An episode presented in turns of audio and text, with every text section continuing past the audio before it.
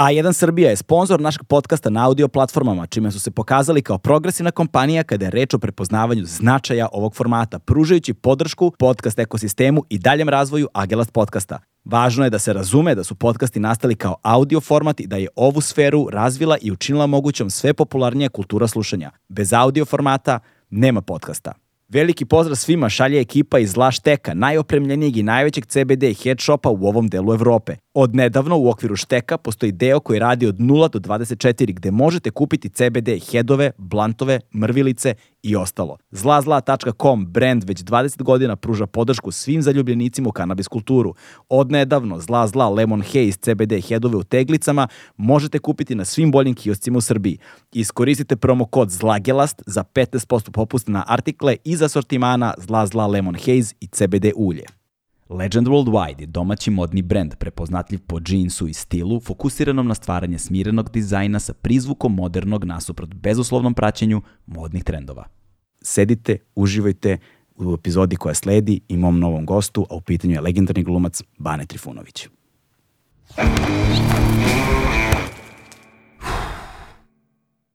Hmm.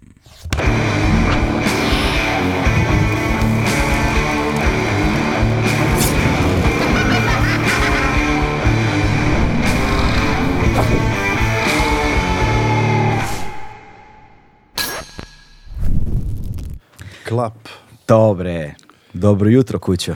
E, stvarno, stvarno dobro jutro. Ja znam da ti raniš baš onako, Da. da. baš da voliš da uraniš, ali ovaj, uh, meni treba malo da se digne sistem, da prostiš, treba malo više vremena. Tako da, ajde, dobro jutro i bit će sve u redu. Kad si ustao, koliko? Pa ima jedno sat i po možda. Sat i po, a? Dobro, tamane, to je ovo prva kafa, druga kafa, treća druga, kafa. druga, druga kafa i poslednja. Koliko kafa toku dana savladaš? Dve, a? Dve, dve. Ja, boga mi, zavisi od dana, znaš. Ja ujutru odmah dve. Ja nikad preko dve. Stvarno. Uglavnom jednu, ali nikad preko dve, zato što A- ne mogu. Kako spavaš?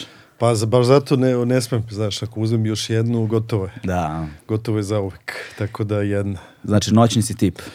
Pa nisam noćni tip, nego ovaj, uh, te, teško se gasim, znaš. I onda sve to što može da pomogne Mm. da se još teže ugasim, onda to nekako probam da, da, da redukujem. A, da, da, da, dobro, Teško dobro. gašenje noću. Ali opet, znaš, iz druge strane, uh, tebi ipak veliki procenat, ono, veliki deo života odlazi na predstave, koje se mahom igraju u večernim terminima. Jest, jest.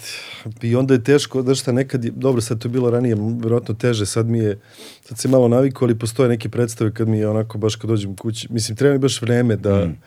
da se, ne, nemoj sad da mistifikujemo sad nešto naš posao, to je ne znam šta nije, nego samo te se nekako digne adrenalin i onda je, ti je teško da se vratiš sad, u, znaš, kad ne možeš sad kao iz predstave, završiš predstavu i sad ja idem kući i sedem na kauči kao sve Ne, u redu. ne bih ja to nazvao mistifikacijom, ali postoje brojne druge aktivnosti sa kojima bih mogao da uporedim u, u smislu isključivo tog, te vrste umora i, i uzbuđenog tela, kao naš, koje ne može da se spusti i, i treba mu malo vremena.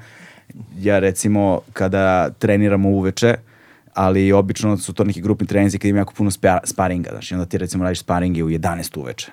Pa kako, za, misliš, šta ćeš posle? Šta ćeš, po- mislim, ne, radiš- ne šta možeš, posle? šta radiš, znaš, umoran si, telo ti je slomljeno potpuno, ali, znaš, ti si bio... Ma nije, to ti isto čudno pozorište kad dođeš, mislim, naravno milion puta mi se desilo, dođeš mrtav umoran Da. u predstavu i sam nikakav i sve i onda negdje kao kako sad ovo, kako se sad igra dva, dva na dva sata, ali onda krene i onda ti završi se predstave, tebi su oči ovolike, ti si, znaš, sav si ono, sav si napet i deću šta ću, ne znam šta ću sa sobom Mm. i onda uvijek treba taj ovaj, treba ti taj, uvijek sednemo nešto u garderobu, bar ja sednem onako pored onog, onog gledala i kao što se gleda, kao pokušaš da se vratiš u život, to je uvek, ovaj, to je tako, šta je radim, šta je kad nismo se bavili nekim ozbiljnim poslom od 8 do 3. Ne, ma ne, mislim, ovo je sve, sve to ozbiljan posao, naravno. Ali pazi, da, vidiš, nisam razmišljao, nisam, nisam nikada razmišljao o tome. Uvek sam pretpostavljao da bi glumci trebalo da imaju nekakvu vrstu rituala ili možda organizovanog života na ovaj ili onaj način, barem u tim trenucima kada imaju redovna igranja nekih predstava ili kada se od njih zahteva ono da si na sceni u tačno određeno vreme, jedan određeni period dana, nedelja ili šta već. kada ne možeš sebi da dozvoliš da si umoran, da si izgladneo, da si... Ali ti to ne možeš, to ne možeš nikad sebi da dozvoliš. Znaš, Da. to je takav posao, zato što ti svako veče pred 500 ljudi, Ali ti kao, koliko često igraš? Pa sad igram, uh, redukovao sam, ali ranije znam, recimo sam igrao po 25 do 27 predstava mesečno. To je, mislim, to je stvarno za bolnicu. To nije, Mm. Da, to je, to je svaki dan zapravo. da, pa to je svaki dan i, i to sam tad, u to, to vreme igrao 10 različitih naslova, Mm. što znači da bukvalno ideš iz, da, baš je bio neki period nešto, uh, recimo april, maj, jun, i onda sam imao 10 naslova koji su bili na festivalima raznoraznim što ovde, što po re- regionu i onda, ne znam, sam bio, ne znam, Banja Luka, Beograd, pa Zagreb, pa odem u Novi Sad, pa i to sve onako vezano. I sad ti kad dođeš, bukvalno majke mi seti, ja sam došao kod Baneta garderobera našeg u atelje, znam da imam predstavu u ateljevu, ne znam koju, uopšte ne, ne znači, samo znam, Tekst imaš. ne, ne znam ništa, znači bukvalno sam ono beo, be, samo znam da je atelje i ulazim onako baš mrtav potpuno i ulazim ovako sedam i sedam ovaj, na onaj sto i pitam Baneta, Bane šta je večeras? I on vidi da nisam normalan i kaže uh, uh, ime uh, Glembajevi. Aha, gledaj. I ja se setim da imam monolog od šest strana, ono, krležijanstva ovaj, u tom trenutku i znači znoj, totalno, mislim znoj. I onda sam to kao oblačiš se i onda sad kao vraćaj se, prolazi nešto tekst, kao, ali to je, mislim, te kažem, to je sve u nekom magnovenju koje, koje nije baš normalno. Znaš, i onda sam neko probao da to redukujem da ne bi sebi ovaj, da ne bi sebi opet to dozvolio, nije dobro za zdravlje, nije dobro, uopšte nije, jednostavno nije dobro, a s druge strane postaješ mašina koja samo nešto izgovara tekst i ide i glumi, nema nikakve te neke radosti, nego eto sad kao ispunjavam svoju normu da bih nešto odigrao, tako da to nije, nije no- evo sad Marić, moj Milan ima, ne znam, imao je od decembra recimo, ne znam koliko mi rekao, sto i nešto predstava, znaš, to je... Kako on postiže? On- Jer on je postao ultra, mega, giga popularan. Pa on je jeste, eksplodirao. Sve, sve je zaslužio. I sve- film, i serija, i pozorište. Jeste, I- jeste. Pa ne znam, mislim, ja, kako ti kažem, ja znam da mu je, da nije, nije lako. Mislim, ne Mm. može bude lako, stvarno nije, ne, nemoguće biti lako.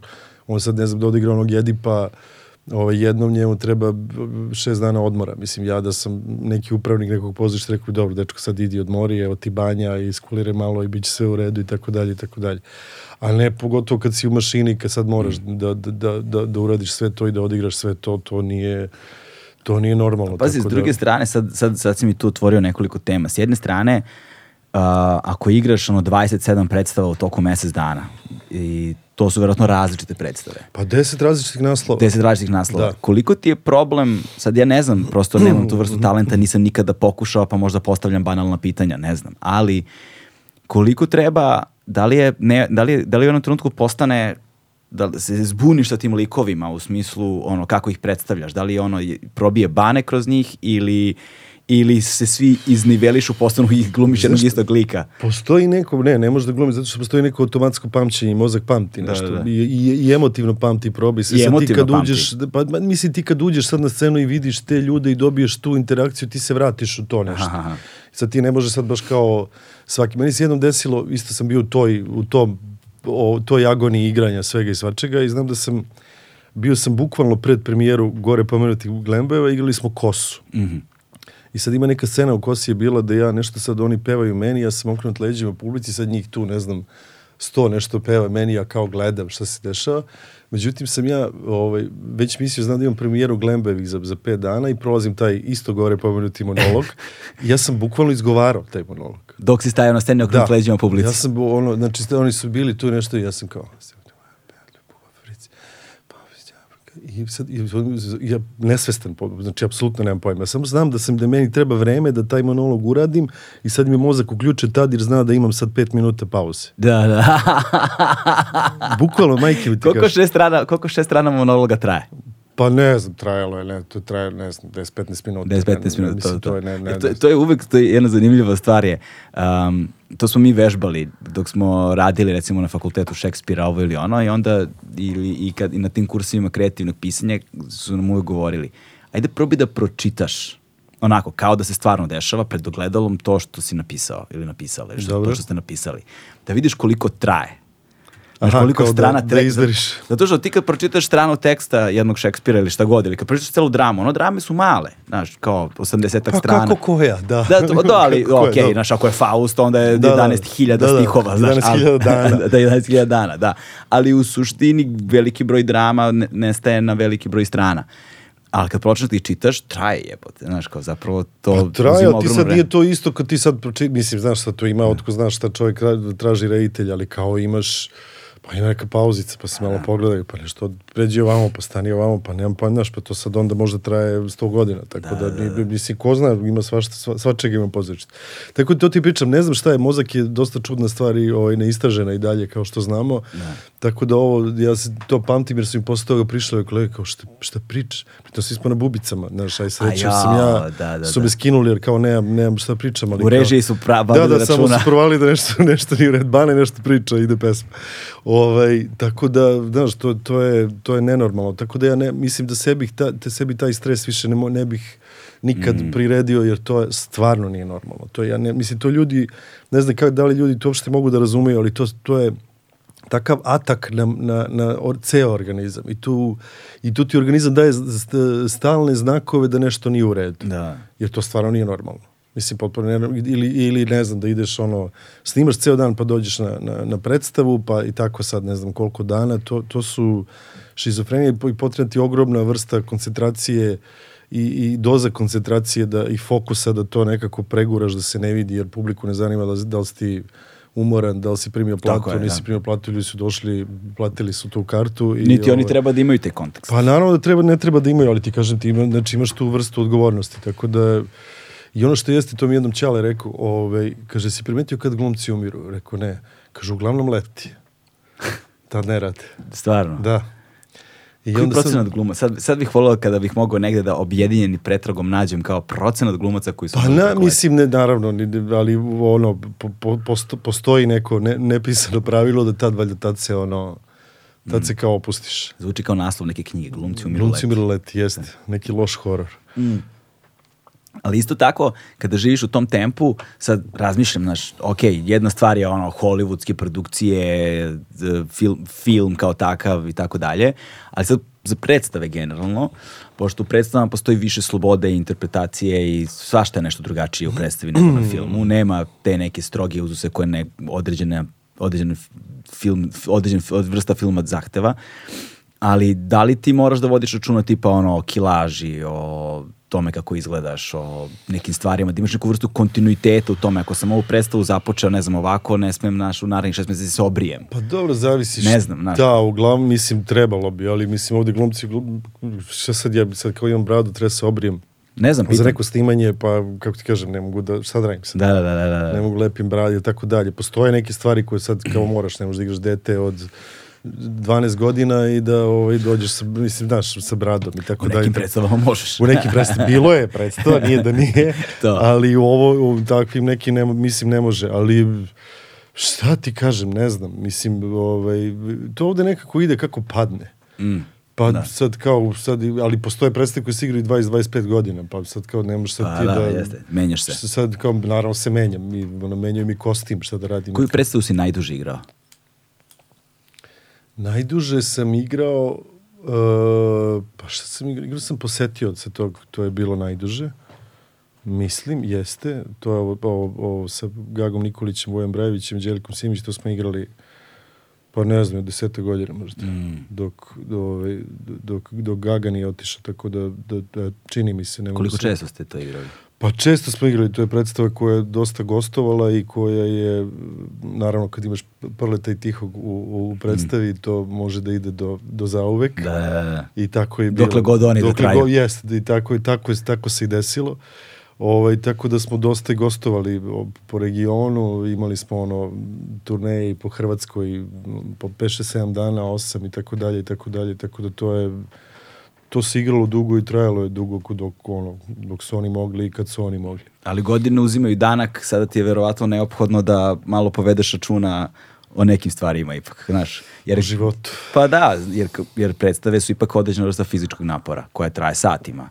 i vrlo često su zahtevne u pokretu, u energiji, u nečemu i Pa nije samo, nego znaš šta, da izađeš sa scenu, ti moraš da imaš dah, moraš da imaš koncentraciju, moraš da imaš snagu neku, ne možeš, znaš, sve se osjeća, ti ne možeš sad da kažeš, ne znam, rečenicu ovaj, koju si ranije govorio na dahu jednom, sad moraš da uzmeš, uzmeš dve pauze da bi nešto izgovorio. Da, da, da. Znaš, to je stvar treninga i to sad, kako ti kažem, isto je to je aparat koji mora da stalno malo da se potšafi, neguje, prođu neke godine, pa onda ne možeš više, shvatiš da ne možeš, pa čekaj šta ja da radim, Da. ko što sam ja sad krenuo da vežbam, znaš, posle 150 godina, kao čekaj nešto, nije, nije ne osjeća se, na, nije to 100%, sad kao i je ti moraš... pomoglo vežbanje. Pa mislim da jeste, trebalo bi da jeste.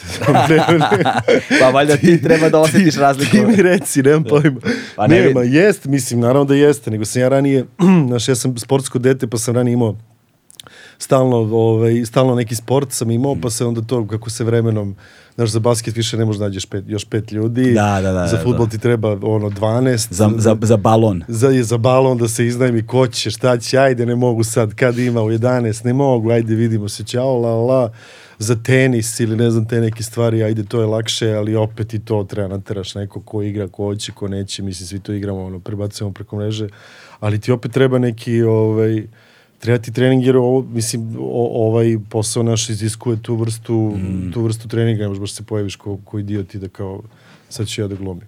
Da, ali jebote kad igraš 27 predstava mesečno ili znaš kad si tako na jakom tempu bilo kom, znaš sad ako još uleti neka serija, neki film, ako leti ne, ne znam neka reklama, ko zna šta sve može se desi, pritom neki događaj eventualni koji se pojave sa strane, obaveza ugovorna za ovo ili za ono, znaš, prosto bude, nije sad samo predstava tih dva sata, imaš ceo život nije, koji se ne, dešava. ne. Ali znaš šta je, to stalno kažu glumci kad imaju uh, taj dan predstavu, to je ceo dan. Da, da. Jer ti, kad ustaneš ujutru, ti imaš tu svest da večeras imaš tu i tu predstavu i ti kao si već se lagano spremaš za to, nešto prolaziš, podsjećaš se i tako dalje i tako dalje. Tako to, to jeste ceo dan. I, šti, I mi kad imamo snimanja to tokom dana, pa bežimo, jurimo na predstave, ti dalje to, mislim, ne, ne znam šta je to u životu i u mozgu, ali ti dalje kao si sad u kadru i sad ti nešto kao glumiš, ali tebi je ovde negde stalno to večeras i prvo je stiže, drugo šta će da bude, aha, šta je, stalno ti tu nešto tinja i stalno ti prolaze te slike, tako da to, to je celodnevni posao taj dan. Da, Sušta- jel imaš sušta- trenutke kad se isključuješ?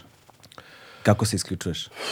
Pa to je dosta teška priča. Skoro sam shvatio, ne, skoro sam shvatio da gledao sam kao predstavu ovaj, koja je bila malo duža i bio, otišao sam sam i ovaj, i nije sad bila neka predstava, ali je konačno sam mogao se isključim. Mm. Zato što sam nekako, znaš, bio sam sam, ni- nisam, ono, ni- niko ni bilo naravno ljudi, ali kao niko te ne dira, predstava je tako ušlo neki ritam gde sam ja mogao da kao posle sat vremena shvatim da mogu da se opustim i kao sam otišao, znači negde, bilo mi baš onako neki zen, onako jo, yoga zen je bio totalni, Da. meditacija. Aj, si isključio iz predstave, znači skroz. Totalno se isključio iz predstave. Znači, to, znači, ob- nije me bilo, apsolutno. Samo su neke slike tu prolazile, ja sam malo bio iznad, ono, gore i kao, aha, dobro. Oni su, taman, taman im je ton bio mi je, prijao mi je ton.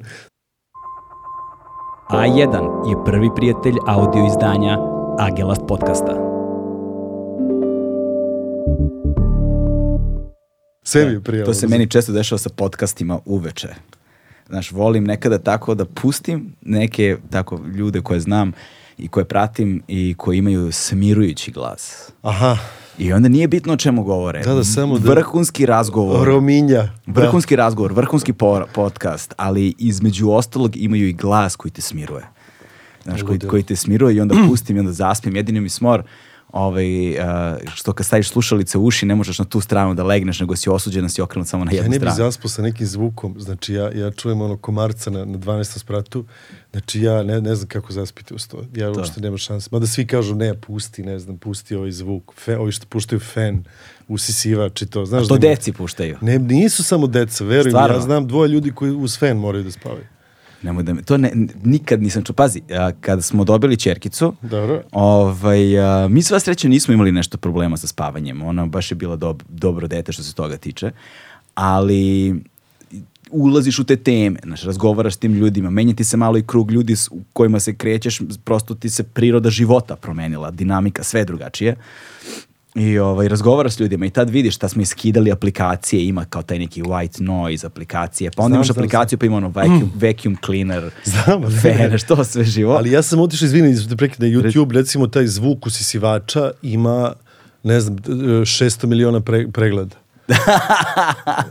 Ozbiljno, Da, znači ima, znači ljudi to kao, mislim sad lupa, ali stvarno ima neke milionske preglede, ti se kao pustiš usisivač sebi, a meni su bukvalno pričali, oni, znam, znam dvoje ljudi koji su stavljali fen dok se nisu zapalili, nisu se zapalio i organ, Uje. ali bukvalno uzme onaj mali fen i pusti ga i kao em mu toplo, em se čuje onaj zvukić i to ga vrati I gasi nešto. se. To je gasi se. Jevo te, ne znam, to mi je, znaš, Veruj neverovatno. mi, postoje. Dovešću ti pa ali, bo- ali mora da bude, ali znaš, to je zajebano, mora da bude neki trigger da kad ti fen ispadne, ovaj, s jedne strane te ne probudi, a s druge strane da se isključi sam. Pa to, eto ti razmišljaj o tome, to je Da, dobar, da. dobar biznis, biznis plan. Kao, Pa da, zato što to je bilo, sećam se one priče kako su, kako, kako, da li je to Tesla radio ili ko, nemam pojma, sad, ali postoji ta priča o ljudima koji su kreativni i kada, i da im ideje najbolje dolaze u tom nekom stanju, uh, ono, između sna i jave, znaš, somnabulno ili kako se već to zove, Da, da, da, znaš, da, e, da. o, i onda i su imali foru da drže ključeve u ruci, I kad padnu, znam. sve, svežanj ključeva Znam. i ispod metalna tacna, znaš. I onda kada i onda sede i kad taman kada kada im kada im ispadnu ključevi iz ruke, to je tačno to, znak. stanje, to je tačno to, to stanje onda ih ti ključevi To probude. kažu za popodnevnu dremku, to sam isto čuo od nekih starih, kaže samo stavi ključ i ono da ne, znaš, da ne prespavaš, nego kao to 15 minuta čim padne ključ, to je to, znači to da se ne to uđeš u tu REM fazu. Kad je to baciš ključ, već, da. Ali to ti je, kad si kod somnambulije, tako i Keith Richards napisao Satisfaction, znaš to. Mm. Znači spavao, je, to je bio to ni tamo ni vamo, probudio se, uzeo gitaru, uključio, odsvirao tant i pap, ugasio, vratio si, tek ujutro shvatio šta je snimio. Taj Da, ceo da, riff, da, tako da. da. to je, ima, ima Ja sam jedno vreme a, držao, pošto ja stalno koristim ove, ove tefterčiće razno razne, jer sam odavno prestao da verujem sebi. Odnosno, znaš, kako- kako moj, prije, kako moj prijatelj kaže, to mi je jedan divan citat, kaže, od kad sam sebe uhvatio u laži, više nikome ne verujem. e, da, I, ovaj, I posebno kada su neki kreativni procesi u pitanju, kada mi je nešto baš važno, iskapirao sam a, da mi često ideje dođu baš u tim trenucima ležim u krevetu i ono spremam se zaspim, ostavio sam dan u retrovizoru, ne razmišljam ni o čemu i tad kad se to je opustiš, najlogičnije. tako je. Ali šta mi se dešava? Dođe mi neka ideja I zaboraviš. i kažem, u, strava, ovo ću sutra ujutru. I ustanem ujutru, Ćao, naravno. Ćao. Znam, znam. Nikad znam. nije ostala Znam šta sutra pričaš. ujutro, da. znam šta I onda pričaš. sam jedno vreme imao tefteče, ne znam zašto to više ne radim. Valjda od kako dobiješ dete, samo Šta, da... ne sa- treba mi ništa. sa- ne treba mi ništa, samo da legnem, brate. Kuća piše. sad, To drži. sam negde, pis, negde sam video ovaj, kao neki mim, kaže više kad, kad dobiješ decu više ne ideš na odmor, nego samo čuvaš decu u drugom mestu. To je, e. I, ovaj, I onda sam imao tu foru, držim tefterče i olovku pored kreveta i kad mi padne ideja, samo zapišem jednu reč. Jednu reč je dovoljna. Koja ti je ono, keyword. Keyword, da, koja ti je ono asocijacija. I onda ujutro kad ustaneš, kao nešto je bilo sinoć, otvoriš, vidiš reč, nekad mi treba malo vremena, 10-15, ali pre ili kasnije ta reč te navede na ideju koju si imao. Ali to, mislim, to ti je dobro, to pisanje je dobro. Ja, moj kum i ja tako često sedimo ovaj, u nekoj njegovoj kući tamo blizu mora i ovaj, lupetamo razno razne gluposti. Stalno ta priča polupijana, kako ćemo postaviti milioneri, šta treba se desi. Znaš, sad, i To je ono posle trećeg pri... Jeste, jeste, sad mi kao krećemo, sad, sad će da bude sve u redu. I, ovaj, i, ali stvarno smo nekad smislili nekih 15 fantastičnih stvari. Tako i za, za ono, za jebancije mi sad nešto pričamo, pričamo, pričamo, međutim se, u, uglavnom posle dan, sutradan, niko ničeg ne sjeća. Da, da, da, da, da. I znači mi ono sta, i, od, i provala, zezanja i svega, nekih dobrih fora koje zaboraviš jednostavno tako prođu. Tako da podržavam ovaj tefterče. A, i, i jel ka, kada imaš tako guste rasporede i kada si stalno u pokretu, kako uspevaš na vremena, da nađeš vremena ili koji su ti mehanizmi da uđeš u neki, koji- neki ono stanje smiraja koje je neophodno da bi recimo čitao tekst, novi tekst posebno. A kamoli da bi ga naučio, jebi ga. To odbijam. Je. Znaš kako mi za to treba... Jer ja ne mogu kad dođem iz, iz ludila nekog sedem i kao čitam. Ne mogu ni ja, ali zato nekad kad mi nešto ljudi prošle, evo sad mi je čovjek poslao prekjuče ono, tekst, ja evo još ne mogu da ga otvorim. Znači nekako uvek meni treba da se desi neki trenutak, ne mogu sad da ga otvorim zato što moram da ga otvorim, pa kao I onda uglavnom to ljudi iz naših posla i razumeju, pa te sad nešto ne teraju da kao sad odmah prostiš, nego evo tipa kao kad, kad dođe. Ovaj, pa ne znam šta je, zato što je to, treba ti neki, ne, neka, treba ti neko vreme da, postoje neki tekstovi koji znaš da su, da su dobri onda ih malo staviš tako pa ih gledaš pa kao kad dođe da ih nekako da ih osetiš kako treba. Tako da ne znam ja ne znam kad ih čitam. Uglavnom nekad ih ujutru kad ustanem pa mi se nešto desi sad kao nemam ništa i ove, ajde sad imam neki fokus kao valjda si ujutru ovaj, ne, ne, ne znam šta bi ti rekao. Uglavnom ne mogu da ga čitam kad znam da je nešto što me pretjerano ne zanima, onda mogu da ga čitam kad, kad god. I onda preletiš samo ovako i kao, aha, dobro. Ono, dijagonalno. Dobro, jeste, samo, aha, dobro, dobro, dobro, ni ništa, ajde, važi, izvinjavam se, ne, ono, nije to to. Ali, kao i za, znaš, ja, ne, ja najviše čitam na moru. Mm. Tamo Pa da. da. su, znači, 0.24, uopšte ne bi knjigu ispuštao iz, ono, iz ruke. Znači, to mi je kao... A ovde mi u gradu, u ovom ludilu i, i paklu, i sve, baš mi treba neki ne znam, meni treba neki mir da se malo baš izduvam i ispustim pa da to dođe neki trenutak za, za, za čitanje kad malo prezupčiš od svega, a ovo za tekstove kažem ti stvarno ne znam, nije, nema nikakve pravila osim što mora da, da odstoji malo ko, ovaj, ko Ja sam test. zato počeo da ustajem rano ujutru. Zato što uh, tako rano kad ustaneš, nema ničega. Nema nikakvih obaveza. Da, da. Svi u kući spavaju, grad se ne čuje, uh, uglavnom je mrak i i ne moraš da odgovaraš ni na kakve mailove, nemaš, imaš prosto sat, dva vremena isključivo za sebe. Još ništa nije stiglo. Još Znam, ništa nije stiglo, a i ako je nešto stiglo sinoć, ne moram da ga otvaram. A onda sam s godinama naučio opasnost zapravo tih belih svetala, plavih svetala, ekrana, načina na koji se zapravo mozak budi. Znaš, i onda ti recimo kad uključiš svetlo ekrana i počneš odmah da gledaš u telefon čim otvoriš oči, ti se zapravo, tebi se zapravo preskoče neke faze ono, u razbuđivanju organizma i nije zdravo, nije dobro i, znaš, i ono i sa kortizolom i sa stresom i svašta nešto. I onda je dobra fora zapravo da prvih sat vremena kad otvoriš oči ne piješ kafu i kao ne gledaš u svi svetle kažu, ekrane. ali nekako, je, e, sad da li to pitanje navike ili čega, ali sad ja nekako kad ustanem ujutru i to sad kao... Prvo telefon hvataš. Pa da, kao da, ali sve ono nekako polu, polu automatizovano, znaš, samo ovo kao radiš. Kao ništa, ništa se preterano ne dešava osim, eto, samo scrollam. Ja sad Da. znam da to ne, ne, verovatno ne, ne valja i nije u redu, ali meni to nekako prija da, dok se digne sistem, da eto samo nešto prolazi. Mm. Ne znam šta sam radio ranije, vidiš to sad šta je bilo pre telefona, to ne, ne, ne, ne mogu se setim uopšte. Nemaš predstavu. Ne znam, ni, ne znam ni ja, ali sam počeo poslednjih, na primer, ono, prije jednog godinu i po dana sam imao ozbiljnu krizu kao ono sa screen time-om, znaš, kao na telefonu i bio sam sam ne, ovo, nešto mora da se uradi. Koliko si bio? Ma, bio sam katastrofalan, bio sam preko 6 sati screen time-a. Sam bio, zato što kada počneš da radiš, posao mi je praktično Da, da, online. to znam, znam, znam. I sada imaš savršen izgovor da gledaš u telefon, jer ti je posao online. I gledaš analitiku. Analitika je strašna navlaka. Analitika i online šah, to su meni ono, znači to su mi, brate, to, To su, mo, to su dva moja greha, ono, Da. znaš, najveća. I ono, refreshuješ to analitiku ko ludak i svako malo i pređe ti u neku čudnu naviku. I telefon ti uvijek pri ruci i kad god uhvatiš neki međuprostor da nemaš ništa, da samo isključiš samo u telefon, u telefon, u telefon. I Da, da. to odlepi od toga, znaš. I A- sad si skinuo, jesi uspeo? ne baš, jesam, ali ne u potpunosti. I dalje imam ono, sve zavisi od faza, znaš, koliko sam psihički stabilan, emocionalno stabilan, raspoložen, neraspoložen.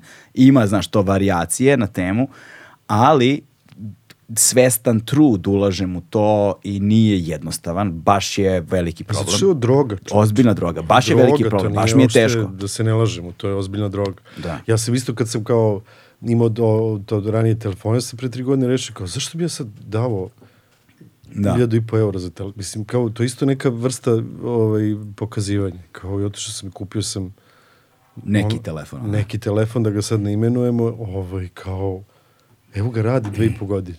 Da, da, da. Ništa mu se, To. ništa mu se nije desilo, sve u Tako je. redu, tako da šta sad kao, to je bio moj prvi kao korak ka tome, ka, kao ozdravljenju od toga, Mm. Da, da, da. kao ne moram da imam ovaj, Skupi ne znam, telefon, skupi da, da, telefon, da. šta će mi skupi telefon, ne treba ni za šta. E, ali vidiš s druge strane, ovaj, ali kad imam neku vrstu obaveze koja me čeka, a koja zahteva rad blagovremeni, ovaj, onda mi je lakše da se pridržavam toga. Na primjer, sledi Krokodil festival na kojem ću da učestvujem nešto ovaj, i sad sam počeo da čitam te autore ono što nisam čitao i sad tu treba, treba vremena.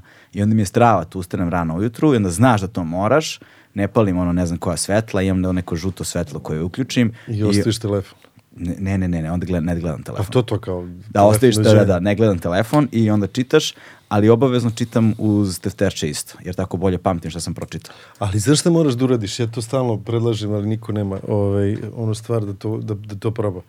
Da, kao, ajde ostavimo telefone tri dana, tim šta će se desiti. Jednom sam šest dana ostavio telefon. Kad? 2016. to ti pričam. I posle toga ni dan. Ni dan, Nije brate, nikad ni bio dan, brate, da. E sad zamisli, ajde kao da, da igramo igricu, kao neki survivor bez telefona, Mm. razumeš? I kažemo, ajde, idemo da, ovaj, ajmo svi, evo, ostavite telefone, idemo se družimo. Da, da. Jel, ko bi pristao? Svi bi pristali u ideji. U ideji ti pričam. načelno ali bi svi rekli, wow, ajde. Da. Šta bi se desilo, samo za sad, mislim, koliko smo bolesni svi. Jesmo. Sad, šta bi se desilo posle dva sata sedenja u toj nekoj kući ili gde god? gde- Neko bi morao da se javi na telefon. Šta je kao, jer nešto, ne, da li se nešto desilo? Mm. Ništa se nije desilo, naravno. 99,9% slučajeva se ništa nije desilo. Naravno, ali- ali nam je ubrizgan taj strah. Jeste, ali ti kažem, znači ti stalno sad nešto, nešto kao, kao da nešto prolazi, pa suštinski ništa ne prolazi, to služi samo da ti uzme vreme i da kao Mm. ovo ti znaš to, kao šta si kliknuo, da ide, kako te vodi i tako dalje i tako dalje, algoritmi i ostalo, a ovaj, šta se desi ništa. Ja mislim bi se- kako bi se algoritmi zbunili sad da tebe nema šest dana. Da, da, da, da, da, da. Šta bi da, se da. desilo? Kod devaj čovjek. Znaš, E, a da li, da li, su, da li je uh, telefon počeo da utiče na pozorište? U kom smislu? Pa publika. Pa zvoni non stop. Non stop zvoni, a? Pa zvoni. Jel vidiš kad gledaju telefone? I kad gleda, to, to ljudi nikad neće razumeti. Ali pazi ti sad u, u nekoj mračnoj sali, nije bez veze ta sala u mraku, a ovo ovam osvetljeno, to nije glupost. Ali ti u jednom trenutku, znači znaš kad nešto, i perifernim vidom i kako god, ili ako se okreneš i sad ti vidiš jednog da mu ovako ono Svetli. svetli lice, kako ti kažem, malo već si ono kao, da je, da li sam ja dosadan, da li je predstavno, da li je ovo, da li je ono, što sad pališ? Znaš kao, sad imaš 380 pitanja Da. koje ne, ne, ne možeš da, najradije bi pitao što rođeč, šta se desi ti sad ti po vremenu. Ali ne mogu, to je jače, ja ne mogu, ja razumem ljude u smislu tom, to je bolest, mislim, to nema, nema, ne može drugačije. I naravno zvonjava bez obzira koliko god ti puta izgovorio, ugasite telefone, razumiješ, i svi kao da, da, da, važi, važi, znači posle sedam minuta već neko, znaš. I najgori su oni što se prave ludi u ovoj pozorištu da ni, nisu oni. E, I toga ima. Ne, ima... Pa evo te, ali nastavit će da zvoni. Ne, ne, ne, nastaje zvoni, ali ne, samo on sedi i gleda. Znaš, da, da, sad da. svi su oko njega okrenuti kao, kao čoveč, ne, on kao, ne, ne, ne, ne vidi uopšte u čemu je problem. on kao stoji i gleda i dalje, kao, zašto me sad si napate, gleda, predstava ide, znate. Tako da, ovaj, eto, to ti je, ovaj, te, zezno to je to. A šta misliš o uvođenju uh, onih, kako se zovu, nije Faradayev kavez, kako se zovu, imaju one torbice i kutije sada koje prekidaju signale. Imali smo mi ranije te ometače, ali se navodno neko bunio, koliko ja znam, bar u ateljevu, da li se, kad se uključi taj ometač koji nije baš bio ni perfektan, ali valjda ti ne smeš po zakonu da nekom sad tu Aha. ovaj, na javnom prostoru da mu ukidaš ili nešto tako je bilo, tako da nisam to. Imali smo šatro neke ometače, ali onda se ne znam ko bunio i to. Jer počeli su sada primećujem, posebno u Sjedinjim američkim državama, vidim da ta kultura raste, ne znam kako je ovde, ali recimo stand-up komičari. Znaš, stand-up komičari imaju veliki problem sa ljudima koji im snimaju nastupe. Jer to im je prosto, ono, Da uzima leba. uzima leba, jebi ga, ali s druge strane komedija, naš za razliku od pozorišne predstave, ne izlaziš na, na predstavu, predstava dolazi pred publiku onog trenutka kad ste vi navežbali i uradili generalnu probu i kad ste spremni. Komedi rutina nastaje pred publikom. Znači, ti ne znaš da li je nešto smešno dok ne probaš pred ljudima. Tako jel je, te? I tako onda ima, idu meseci, nekad i godine pre nego što razviješ nešto u zapravo smešan deo na, pred nastupa koji usvajaš za svoj kao šta god. Za, kao svoju tačku. Ovaj, I onda im je veliki problem što ljudi snimaju i kače na net. Znaš, to je ono, a to svi rade. To znam. svi rade. Posebno kada je veliki prostor, kada je jako puno ljudi, ne možeš da vodiš računa o svima. Pa su napravili nešto da, da ometa. Pa sad su počeli da uvode polako kao da se telefoni ostaju na ulazu, kao uz jaknu, znaš, sa brojem, ono, i idu te neke kutije koje za, za sprečavaju signale i nakon, pre, nakon brate, nastupa Dobit ćeš, da. izvolite telefone nas. Šta misliš da bi ljudi ovde sad dođu u pozorište kao predajte telefon? Znači, to bi bilo onako neki, ono... Dodatni Teš- korak koji teški sprečava da oprost. idu u pozorište. da, da, pa ne bi, ja verujem da 40% ljudi ne bi išlo. Ne znam, ne znam, ne znam, ne znam. Ne, ovo- ali mi zvuči kao dobra ideja. Pa ne zvuči mi kao dobra ideja, ali sad uđi u mozak običnog čoveka koji kao sad čekaj, ja sad nekom ostavljam telefon, a šta ako, a šta ako, a Šta šta, ako mi provališ u telefon Da, šta ako mi provališ, šta, šta ako mi neko zove, a šta ako se nešto desi, a šta ako, a šta ako, šta. Da. I sad ga pitaš 5-20 godina, čekaj, kad nismo imali mobilne telefone, kad smo se nalazili preko fiksnog svi, kad smo ja, skoro sam to nekom stalno pričam, nikad nismo kasnili jebote. Nikad nismo, ono, svi, svi smo bili zajedno, sve smo, družili smo se, sve bilo u redu. Ja ne znam kako se sad desilo, sad kao, baš mora ovo da bude, jer kao nećemo se naći nikad.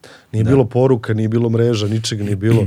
Fiksni telefon, onaj, Da. sa zaključanom nulom, pa, Brate, da, da, da, da, da. da. kao, znaš, pa smo naučili onu tipku da, da, da, da telefoniramo. Ne? Da, Sećaš sećam se kako pa kao ne, da, kako da, ne. Da zeznemo ovu nulu. Tako da, ovaj, Ali moraš da pogodiš taj impuls tačno. impuls tačno sa pauzom, da, da, da, da. ga, tako da i to se provalilo. Jeste, da. Ali pazi, u ruku na srce kao neka opravdanje, ali de, de facto jeste tako, savremenom tehnologijom se ubrzao život. Znaš, tebi se sada i kroz posao i kroz intimne odnose, porodične odnose, poslovne odnose, očekuje brzina u odgovoru. Očekuje se, znaš, ako sam ti ja kao nadređeni, na primjer, poslao mail u toku radnog vremena, očekujem da si ga u toku radnog vremena pročitao i odgovorio. Nećeš na mail da odgovaraš taj sutra ili preko sutra, znaš. Znam, ali kao uh, postoji ta neka situacija, to sam čuo od, od nekog ovaj, psihologa, kaže, treba samo reći nisam sad spreman da odgovorim. Mm.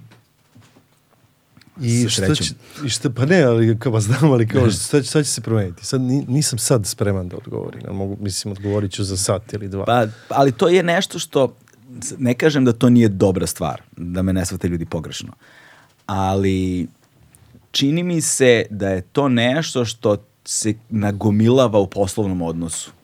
Znaš, ti ćeš reći to jednom, rećeš dva puta, rećeš tri puta, ako to počneš stalno da upotrebljavaš, znaš, pali se neka lampica kao, znaš, gde se to uzima kao negativniji deo tvoje ličnosti profesionalne. Pa znam li, ako ubediš ljude da je to stvarno nisam sad spreman da odgovorim, nego ću odgovoriti za dva sata ili tri sata ili možda sutra, otkud znam, ništa se neće promeniti. Mislim, to Pa mislim da ukalkulišeš- Ukalkulišeš da će ti taj odgovoriti Mm. malo kasnije, ne mora baš odmah. Možda sistemsko rešenje treba da bude. Znaš, mislim da treba da bude sistemsko rešenje, jer vidim sad, u, ono, da li je to šved, Švedska, na primjer, i ja dok sam radio u- do pre nekoliko godina u tim međunarodnim korporacijama, već su bila uvedena pravila da burazeru posle pet sati ne daj Bože da se javiš na tele, da te pozoveš nekoga sa posla telefonom i da, pošalješ možeš- mail. Da, da, da. Znači ti imaš obavezu kao zaposleni da se posle pet ne javljaš na telefon i ne odgovaraš na mailove. Dobro, ja se nadam da je to tako, ali mislim da to tako nije ovde, vjerojatno. Ljudi Pa ovde nije, po da. korporacijama kao naravno, kao 024 si online i šalju ti mail, moraš odmah nešto da spakuješ, da odgovoriš i to je... Ja sam pokušavao i sve one fore da sebi limitiram vreme za ovo, da ovo, Ništa. ma to ništa. Ma kaki, pa ništa. To Razvališ za kako- dva dana. to mi je ekvivalent kao kada sam krio pare od sebe da ih ne popijem u gradu, znaš. Aha, jeste, E onda znam jeste. gde mi je štek i potrošim. Sakrio sam ovdje, ja vidi, našao sam pare. to, to, to, znaš, imao sam ono, one male džepove ili kao Jeste. štekove na novčaniku da sakrijem pare od sebe. da. važi, važi, Važi, važi. važi, važi. Ali redko se dešava uh, u posljednje vreme, ili barem ne stiže do mene, da, um, da, da pozorišna predstava dobije toliko javnog prostora u smislu interesovanja, kao što je ova sada. Ovaj, govorimo o Brijunima. Da, o Brijunima. znaš. Nekako mi se čini ono, ono, da ste se razletili lepo svuda i da je odjek, odaziv ono, dosta dobar i nekako mi je to neočekivano bilo za jednu takvu predstavu.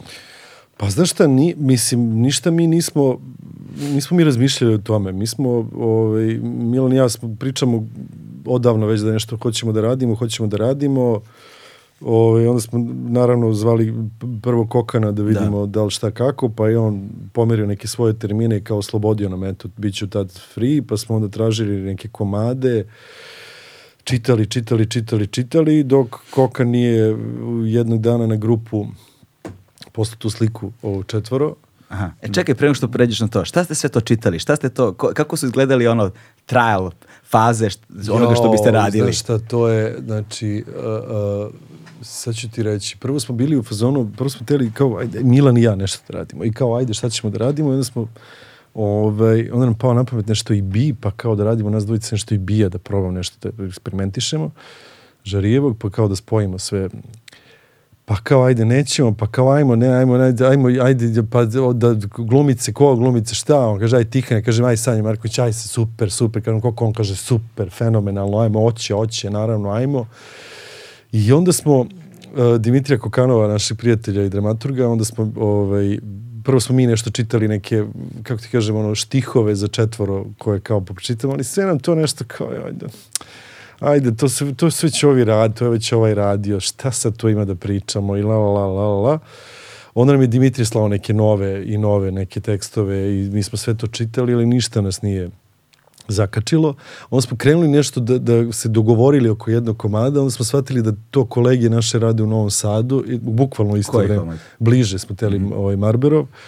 I onda kao, ajde, nećemo sad zato što oni su već krenuli la la la i onda je, eto, to je bukvalno tako bilo. Sad ne mogu ti ispričam, imam tu na mailu negde sad gomi letine tih komada koje smo, koje smo či, iščitavali i gledali. A kada ih iščitavate, to radite zajedno ili kao pošle Pa ste tek svako pa svako od svako, ponaosob, svako, da? pa onda ono, sitni komentari, jel može, nemam, ne. A, Imate ovaj, grupu kao neku. Imamo, ili smo grupicu, da, t- i onda smo je sad proširili. I, ovaj, I onda, ajde, to se tamo komentariše sve šta i kako.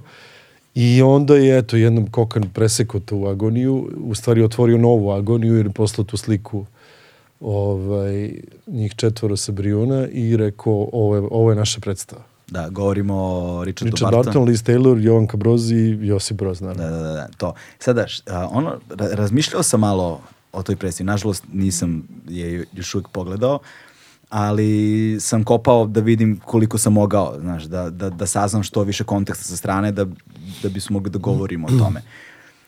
I dalje nalazim fascinantnim da nešto iz tog perioda, iz te famozne Jugoslavije i tog famoznog ono, benevolentnog diktatora, kako bi ga neko nazvao, ovaj, i dalje očarava ljude. Znaš, posebno u tom specifičnom, št- znaš, šta je to što ta jedna fotografija govori toliko da, je, da se od toga napravi predstava? E, vidiš, to je sad jedno kompleksno pitanje na koje ću probati ti dam odgovor. Ovaj, ja sam sad kad je kad smo sve to krenuli da, da, da pričamo o tom i da radimo, onda sam uzeo neke biografije o, o Josipu Brozu i krenuo sam da čitam raznorazne. Uglavnom su stranci sve to pisali. Koja je biografija, na primjer? Uh, od ovog Engleza, evo sad, će, sad mi je sta, nije Harley, da, setit ću se, nije bitno. I čovjek je onako ceo, ceo život prošao vrlo, vrlo dobro i vrlo temeljno sa bitnim stvarima i tako dalje i tako dalje.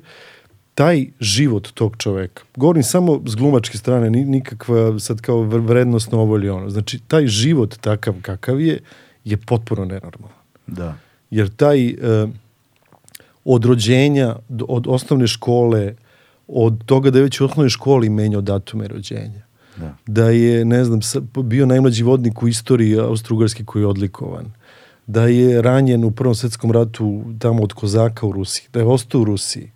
Da su ga tamo, ono, bio u zarobljeništu, pa je odjednom postao ovaj, rusofil, pa je postao komunista, pa od, od ilegale po Jugoslaviji, od zatvora pet godina, od ce, cele borbe, cele ekipe, sve što su radili, pa ono na ovamo od Staljina, pa ne Staljinu, pa pa pa pa, pa znači 300.000 nenormalnih stvari i onda dođeš do 71 do, de- do pojave Maspoka i, i liberala u, u Srbiji, Odnosno, to je masovni pokret u, u Hrvatskoj, Hrvatskoj, da. tako je, takozvano Hrvatsko proljeće i ovi liber, to je sve bilo u, u, u istom trenutku i onda dođeš do toga da, da je u tom trenutku su Richard Barton i Liz Taylor došli tri meseca pre nego što on krenuo da se da se pegla sa, sa Mhm. Maspokom i, i, i liberalima ovde, ovaj, da su oni došli u Jugoslaviju da snimaju sutisku. Mhm. To je Richard Barton i naravno Znači, misliš da je to imalo snažnu propagandnu ulogu? Ne mora, pa ne, ja ti samo Da, kažem, da, da. uopšte ne, mi sad samo, sad ti pričam samo o tome šta može da se desi. Jasno. Ovaj, mi to ne znamo, naravno, mi samo znamo istorijski da, da, da se to poklopilo.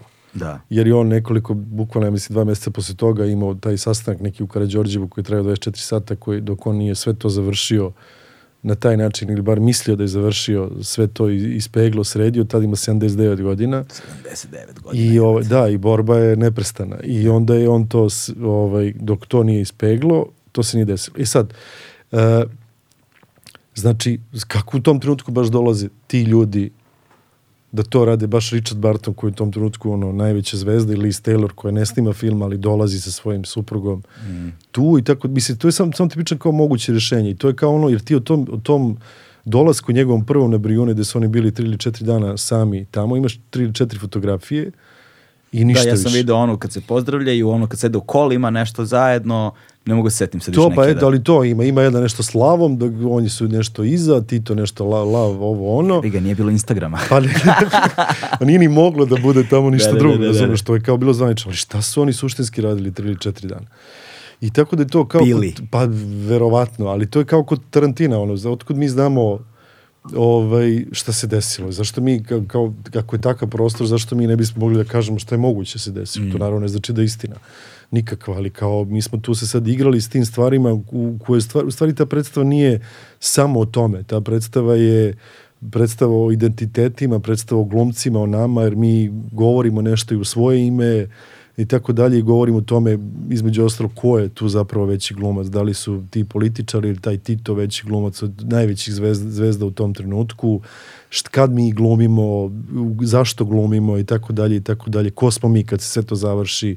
Znaš, ima tu mnogo nekih slojeva do kojih smo mi došli razgovarajući i pričajući. I, Kao neki meta tekst. pa da, ali mislim to je sve stavljeno u nešto što, što, će, što bi ljudi mogli da, da razumeju, ali postoje neki delovi u tekstu koje mi izgovaramo kao Tito ili kao Richard Barton ili kao Liz Taylor ili Jovanka koji su naši, koji smo mi ko, koji imaju veze sa nama lično. Da. Znaš, koji sad ljudi da li će prepoznati, neće prepoznati, ali kao mi, mi smo to stavili jer više ne znaš ko šta govori i zašto govori i tako dalje i tako dalje. Tako da ta predstava zato, vjerojatno i- i- izaziva neku pažnju jer je, mislim i toliku pažnju jer je to sve nekako sklopljeno na tu, i, i to, to vreme je već egzotično dovoljno da, da ljudi počinju da razmišljaju o tome, čekaj šta je sad, vidi ovo, ovo je nešto, nešto zanimljivo, mi nismo htjeli da napravimo dopadljivu predstavu koja Da. je to sad samo duhovita i smiješna i ljudi će gledati hi hi hi hi hi hi, hi niti smo išli da, da, da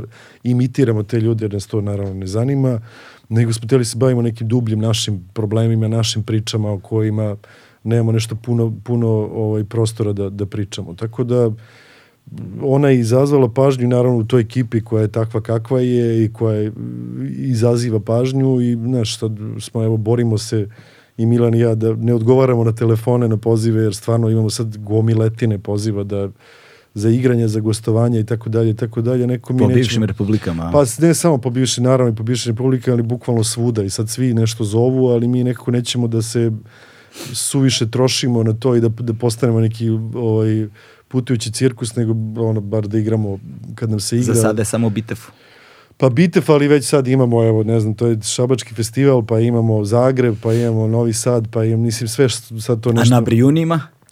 Pa vidjet ćemo. Pazi, to bi bila fora. Pa bilo bi fora, ja to znam, ali ajde, to ne zavisi samo od nas. Jeste, da. Pazi, sad dobro si pomenuo tu temu uh, ko je veći glumac. Ono, Richard Barton ili, ili Elizabeth Taylor ili... Ovaj, Josip Broz, Josip ili Jovanka Broz, Jovanka koja je bila u svojoj ulozi ceo život. Da, pa je između ostalog. A dakle. ne, izvini, samo te prekine sad, isto vrlo zanimljiva stvar. Šta o Jovanki Broz ne znaš. Znači, Jovanka Broz je dva put ranjavana u jurišima. Hmm. Znači, on je žena koja je sad bila neki totalni idiot. Znači, ona je s 20 godina bila dva put ranjavana. O, to je Koji žena... su to životi, Pa brate? to je, to je ono što je, što je meni potpuno fascinantno kad čitaš sve te ljude, šta su oni sve radili verujući u neki ideal. To više ne postoji. Kakav god taj ideal, uopšte ne ulazim Da, u- u to, da, ne, nije to važno, ne, da. nebitno je. Nego kako su ljudi sve žrtvovali na svetu da bi nešto, verujući u nešto, šta god to bilo, uopšte ne ulazim u, u, u ovaj kvalifikacije toga. Ov, onda žena koja je trenirana kad se to sve desilo sa Josipom posle, posle rata, da onda, uh, onda trenirana i bila je po ambasadama u svetu da vežba za prvu damu, znači da maniri, jezikov, znači sve šta se, šta, to je žena koja je iz nekog ličkog sela, ona nije žena koja je rođena bude prva dama. Da. O, I o tome imamo, o, ima jedan fantastičan monolog Sanje Marković u predstavi o tome. I, ovaj, I na kraju je ona bila poslednja odbrana Josipa Broza. Znači, Da. ona je žena koja je u svojoj torbici uvek imala pištolj. Jer je ona bila, znači, ako sve padne, Da. ona će biti ta koja će Da puca. Da puca. Zamisli živjeti s time, živjeti takav Pa, to ti život. priča, sad ti zamisli tu ulogu koju je ta žena isto igrala. Ali ne pričamo, tu nije samo priča o njih četvoro, to je priča svima nama i o tebi i meni. Sad i ti i ja igramo neke uloge. Tako, Tako je, tako Mi smo sad neki stalno, ti nešto sad. I ti, ko, koga zanima kak, šta, šta se meni desilo? Malo pre nego sad mi, evo, snimaju nas, ti i ja nešto razgovaramo i sad kao moramo budemo nešto pametni. Da, da. A možda nismo pametni, možda baš lupetamo neke gluposti i šta, šta mi radimo. Mislim, To, zato su ovi formati zahvalni jer može da bude bilo šta. CBD je, pored THC-a, najistraženiji kanabinoid iz sveta industrijske konoplje. Samo što on nema psihoaktivno dejstvo. Mnoge studije potvrđuju njegove pozitivne efekte i pomoć pri problemu sa spavanjem. CBD ne uspavljuje niti omamljuje, ali je san čvršći i kvalitetniji. Tako reći, budimo se odmorniji.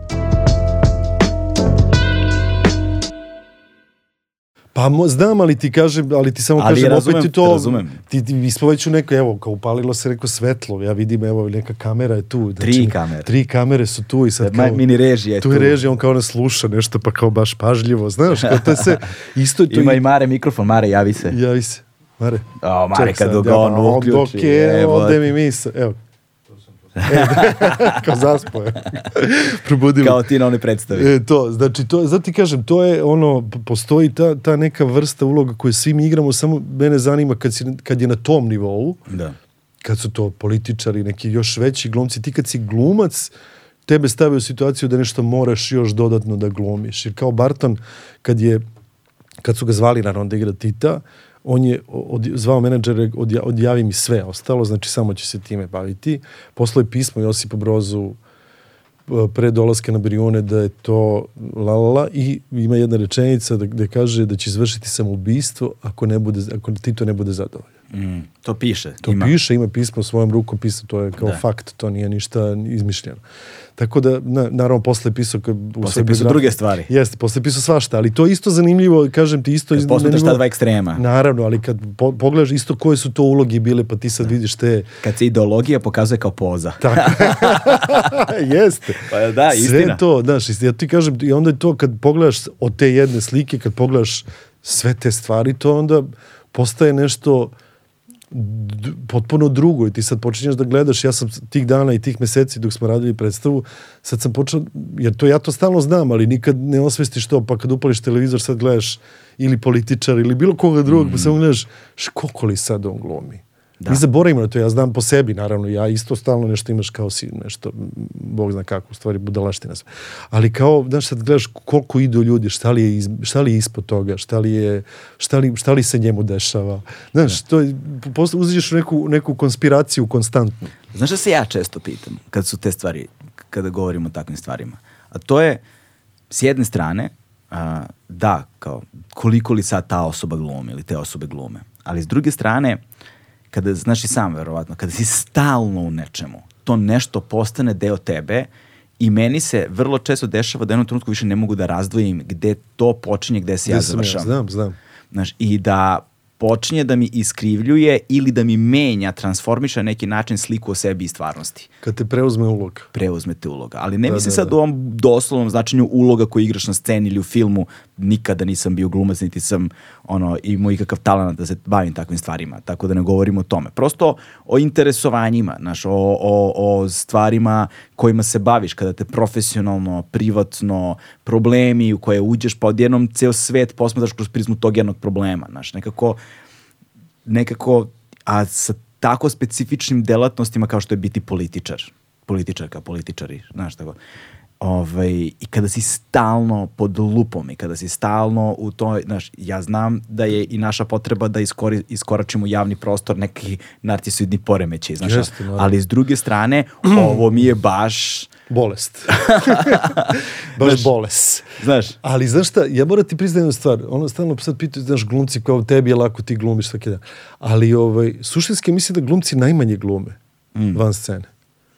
Sad po- poznavajući, jer nekako, mislim, ne mogu sad da tvrdim to, ali je, mogu samo po sebi da pričam. Sad kao ja, znaš, završio sam ovo, naravno imam ja glume u dnevnom životu koliko hoćeš. Da. da. I da pričaš s ljudima s kojima ti se ne priča i da s, s 300 stvari i da se javiš i da budeš ljubazan iako ti nije ni do čega u neku i tako dalje i tako dalje i ovo isto sad mi moramo nešto mislim sve to ali nekako e, e, mi potrošimo vremenom tu svoju taj svoj poriv potrošiš ga na sceni ili u kadru ili onda pa onda onda pobegneš pa kao nekad nemaš te odbrambene mehanizme da sad moraš da glumiš non stop. Mm. Pa onda možeš u privatnom životu malo da kao daneš dušom. Naravno to nikad, ali suštinski mislim da to nikad ne napušta ljude.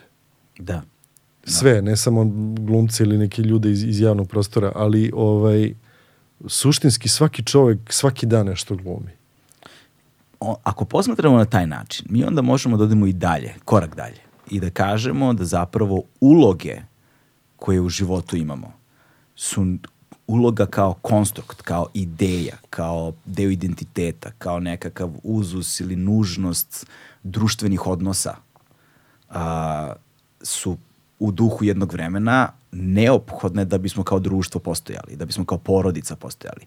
Znaš, ti kad postaneš otac, ulaziš na neki način u ulogu Tako oca. je, kad tako si je. postaneš majka, ulaziš u ulogu majke. Kada se nalaziš na određenoj poziciji u određenom društvu ili na poslu, ovamo namo ulaziš u tu ulogu. Ali to sad, izvini, to sad postavlja dru, dru- drugo pitanje. Sad kao što znaš kad, kad odeš, ono, kad razgovaraš sa psiholozima, psihijatrima i uvek te vratete na ovaj detinjstvo. Da, I da, da. onda krene, i, Uvek. mislim, ugla, pa uvek, Uvek, zato što je to tako. I onda ti sad imaš, uh, uh, svi imamo neke traume iz detinjstva, ne, ne, nemoguće da nemaš, a, a upravo zato što su ti, ti naši roditelji, ne znajući, nisu oni krivi, niko im nije rekao, ali oni su igrali ulogu oca i majke. U jednom vremenu, u jednom društvu. U, tako, u jedno vremenu, jedno, koliko su oni, kako su oni mislili, kako im je neko rekao da treba. Kako su verovali da Kako treba. su verovali da treba. Znači, ne možete samo da skinem krivicu sa njih. Jasno. Ovaj, I onda su oni to igrali. Sad je to milion puta bilo pogrešno. Da. I igrajući te uloge, oni prenose na nas nesvesno nešto što mi nosimo dalje. I što ćemo mi morati da igramo svoje deci sa svojim prijateljima u svojoj ulozi oca, majke ili, ili, ili šta god. I to je jedan, kako ti kažem, kontinuitet koji, koji postaje zeznut. Znaš, nije... Vrlo je zanimljivo, još kad posmetraš o tom socijalističkom nasleđu, kako smo mi, evo ja sam ta generacija, ja sam ono poslednja generacija pionira, dakle ja sam 89. krenuo u školu, bio sam pionir, 90. ih već više nije Da, bilo, da. barem u Srbiji, ne znam za ostale republike. Um, I to socijalističko nasleđe je nekako bilo uniformno. Znaš, znači mi svi imamo ista sećanja iz detinjstva, Tako je. znaš, na iste Tako je. ukuse, na iste mirise, na iste rečenice, uh, pod, dok si pod mojim krovom, moja pravila. Od i- kilo mesa sam te To, napravio. to, znaš, kao... Nemoj, nemoj, moj, to mi je omiljeno, izvini, nemoj se smijat, plakaćeš. da. E sad ti zamisli kad detetu toga, nije on moja majka kriva zbog toga, nego znači nju je neko, da. to mora neki balans stalno da bude, jer ti ako sad previše smeješ, znači da ćeš previše plakati. Da. I to je usađeno u nas. čoveče. Tako je, batina iz raja izašla. Tako je. A, ako ti se ne sviđa, idi da ti bolje. jeste, jeste, jeste, dok si pod mojim krovom, to. I, dok je to. Znači, svi smo iste rečenice Jeste, slušali. jeste. Iste smo proizvode konzumirali. Kao da je postoja neki, neka knjiga sa ovo govorite vašem detetu, Tako je. izvolite. A i bila je neka knjiga, ako se sećaš. Bila je, jao, bila je neka knjiga po kojoj su, to su mi ovde, imao sam brojne goste koji se bave obrazovanjem i bila je neka legendarna knjiga po kojoj, koja je postala standard za vaspitanje deteta. Kako biti roditelj u kroz SFRJ. 70. i 80. godine. Stvarno? Da, da, da. Bila znači, je, možda smo svi vaspitavani po tom knjigom. pa veliki deo obrazovanja, ali setit ću se, ne mogu sad da se setim. Ali bez obzira na to, postoji taj, to nasleđe jedno, kulturološko i kao to što je bilo u socijalizmu, uniformnost ta, tog tipa i nekako uh, ali različite traume živimo iz, iz tog perioda, znaš, i onda imaš ljude koji su izašli iz tog perioda kao to im je zakon, znaš, a imaš one koji su krenuli anti to i onda prave sad svoje greške. Pa naravno, to ti pričam, ali, to je sad, to ali to je opet uloga. Da. I taj sad koji to menja, taj roditelj i svi ti roditelji sad koje ja znam, koji to menjaju, isto menjaju ovaj, igrajući ulogu, e sad ću ja da pokažem svom detetu da to ne može. Da, da. To je isto uloga. A meni je zanimljivo kada posmatramo taj trenutak koji ste izabrali vrlo zanimljiv za premisu, jel te, predstave, bilo nekad na Brijunima, a, dakle, Richard Barton, Elizabeth Tyler, uh, Jovanka Broz, jel te, Josip, ono, između dva velika filma, jel te, Neretve i Sutjeske, ovaj, teško mi je da dom, domaštam, da ono, mislim, obuhvatim koliko je to bio eksplozivan i veliki trenutak. Znaš, ne mogu, znaš, ne, ne, ne, po, ne kada bih probao da navedem e, ljude koji bi danas takav jedan susret sa današnjim ekvivalentima tih likova. Pa nema, to ne postoji. To ti kažem, znaš, ne mogu da zamislim uopšte šta je to, pre... pritom u svetu kome nije bilo mnogo izvora informacija. Ima si ono jedan kanal koji te informiše o svemu. Tako je, tako je, ali više ne postoji. Sad zamisli recimo neki glumački par sa nekim, ovaj, sa ne znam kojim vlad, vla, vladaocima da provede četiri dana negde. I da to bude zvanično, da nije sad kao, nego sad oni, i da taj neki veliki glumački par, to jest taj glumac igra tog, Predsednika. to predsednika. To ne, to ne postoji. Znaš- to jednostavno nema. Koji bi predsednik danas na svetu bio ekvivalent Titu? Znači da ima jednopartijski sistem, da postoji ta neka benevolentna diktatura, da postoji vrlo problematičan život, prošlost, svašta nešto, Putin. a da postoji obožavanje. Pa evo te, ne znam, ne bih Putina stavio u tu Pa kategoriju. dobro ne, ali kao, ne, ne znam šta mi je bliže to. Ali, na, zamislat Putin. Lukašenko. prva, jel, ja ne znam ko je prva dama Rusije, jel postoji uopšte? Ne, ne znamo to. Znamo da ima ono u šatru neku ljubavnicu, neku, ona je neka sportiskinja. Ne znam, stvarno nemam, pa vidiš da on to ne, ne, ne to se ne pokazuje. Da, nije to da ja nešto slabost. pratim, nije da nešto pratim tako da Ma ne, ne znam. pratim ni ja, ali mislim da nikad nisam, jesi vidio neka ženu Putinu? Ne, nisam nikad video. Pa nećeš vi, ni vidjeti vjerovatno. Mislim, to se vjerojatno tamo čita kao slabost. Ne, ne znam. To Pretpostavljam, ne znam, ja sad ne mogu da uopšte ne znam Ali se zamisli sad, znaš, nekog Putina i neku prvu damu. I To- ne znam ko je i- sad, zamisli neki par glumački koji je kao najveći, to su kao bili možda, to sad mi raspravljaju kao to su Brad Pitt i Angelina bile, ali nisu, nije Nisu. to ni to bilo, zato što je ovo kao Elizabeth Taylor i, i Richard Barton su kao imali hiljade nagrada, Mm. Elizabeth imala dva Oscara, Barton nije imao Oscara, ali kao imao je, sedam puta je bio nominovan, imao je BAFTA i svašta i tako dalje i tako dalje, ali Taylor je bila uh, i po današnjim merilima najplaćenija glumica na svetu. I po današnjim merilima. Pa zato što je ona u tom trenutku imala honorare od 7 miliona dolara. Reću ti samo ovaj, da je tad u tom trenutku kad su Richard Barton i ona se ovaj, skontali, on imao 250.000 dolara. Wow. Wow. E sad To je baš. E, znači ona je po tim, me, po, i po da, kad to sad prebaciš Sa inflacijom. sa inflacijom u ove pare, to niko nema te pare. Ne, postoji, ne postoji ta zvezda, što mi kaže Kokan, bile, kad, kad su oni došli, uh, Liz Taylor, Richard Barton Niš, sve vremeno kad se snimala ovaj, uh, uh, uh, kad se snimao film, pa su kao otišli da im Niš, na Niški festival da im daju nagrade i ne znam šta. To je inače jedna mala trivija, sad ne znam kako znate, na, na Niškoj tvrđavi tamo ima onaj prolaz, sad je kao glumci mi silazimo na, na, na scenu, e to je prokopano za dan, to je vojska Jugoslavije, to je jugoslovenska vojska probila za dan da se napravi taj, taj prolaz, da, da, da Liz Taylor dolazi u Niš, da ne može prolazi kroz narod.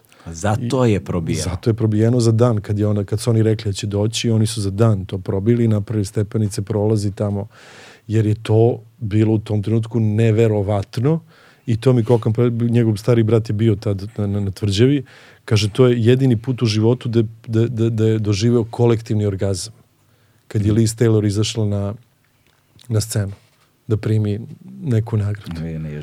Pa to ti kažem, znači brat koji je tad nije bio, bio je ma, mali, ali on je shvatio da je to orgazam. Da je to nešto veliko. Da, i kao ovo je, nevero, ovo se jednom u životu desilo.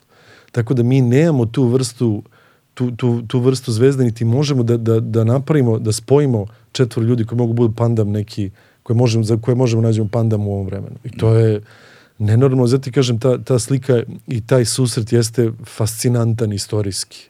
Istorijski je fascinantan, posebno kada uzmeš u obzir šta se od svih tih naših republika desilo kasnije.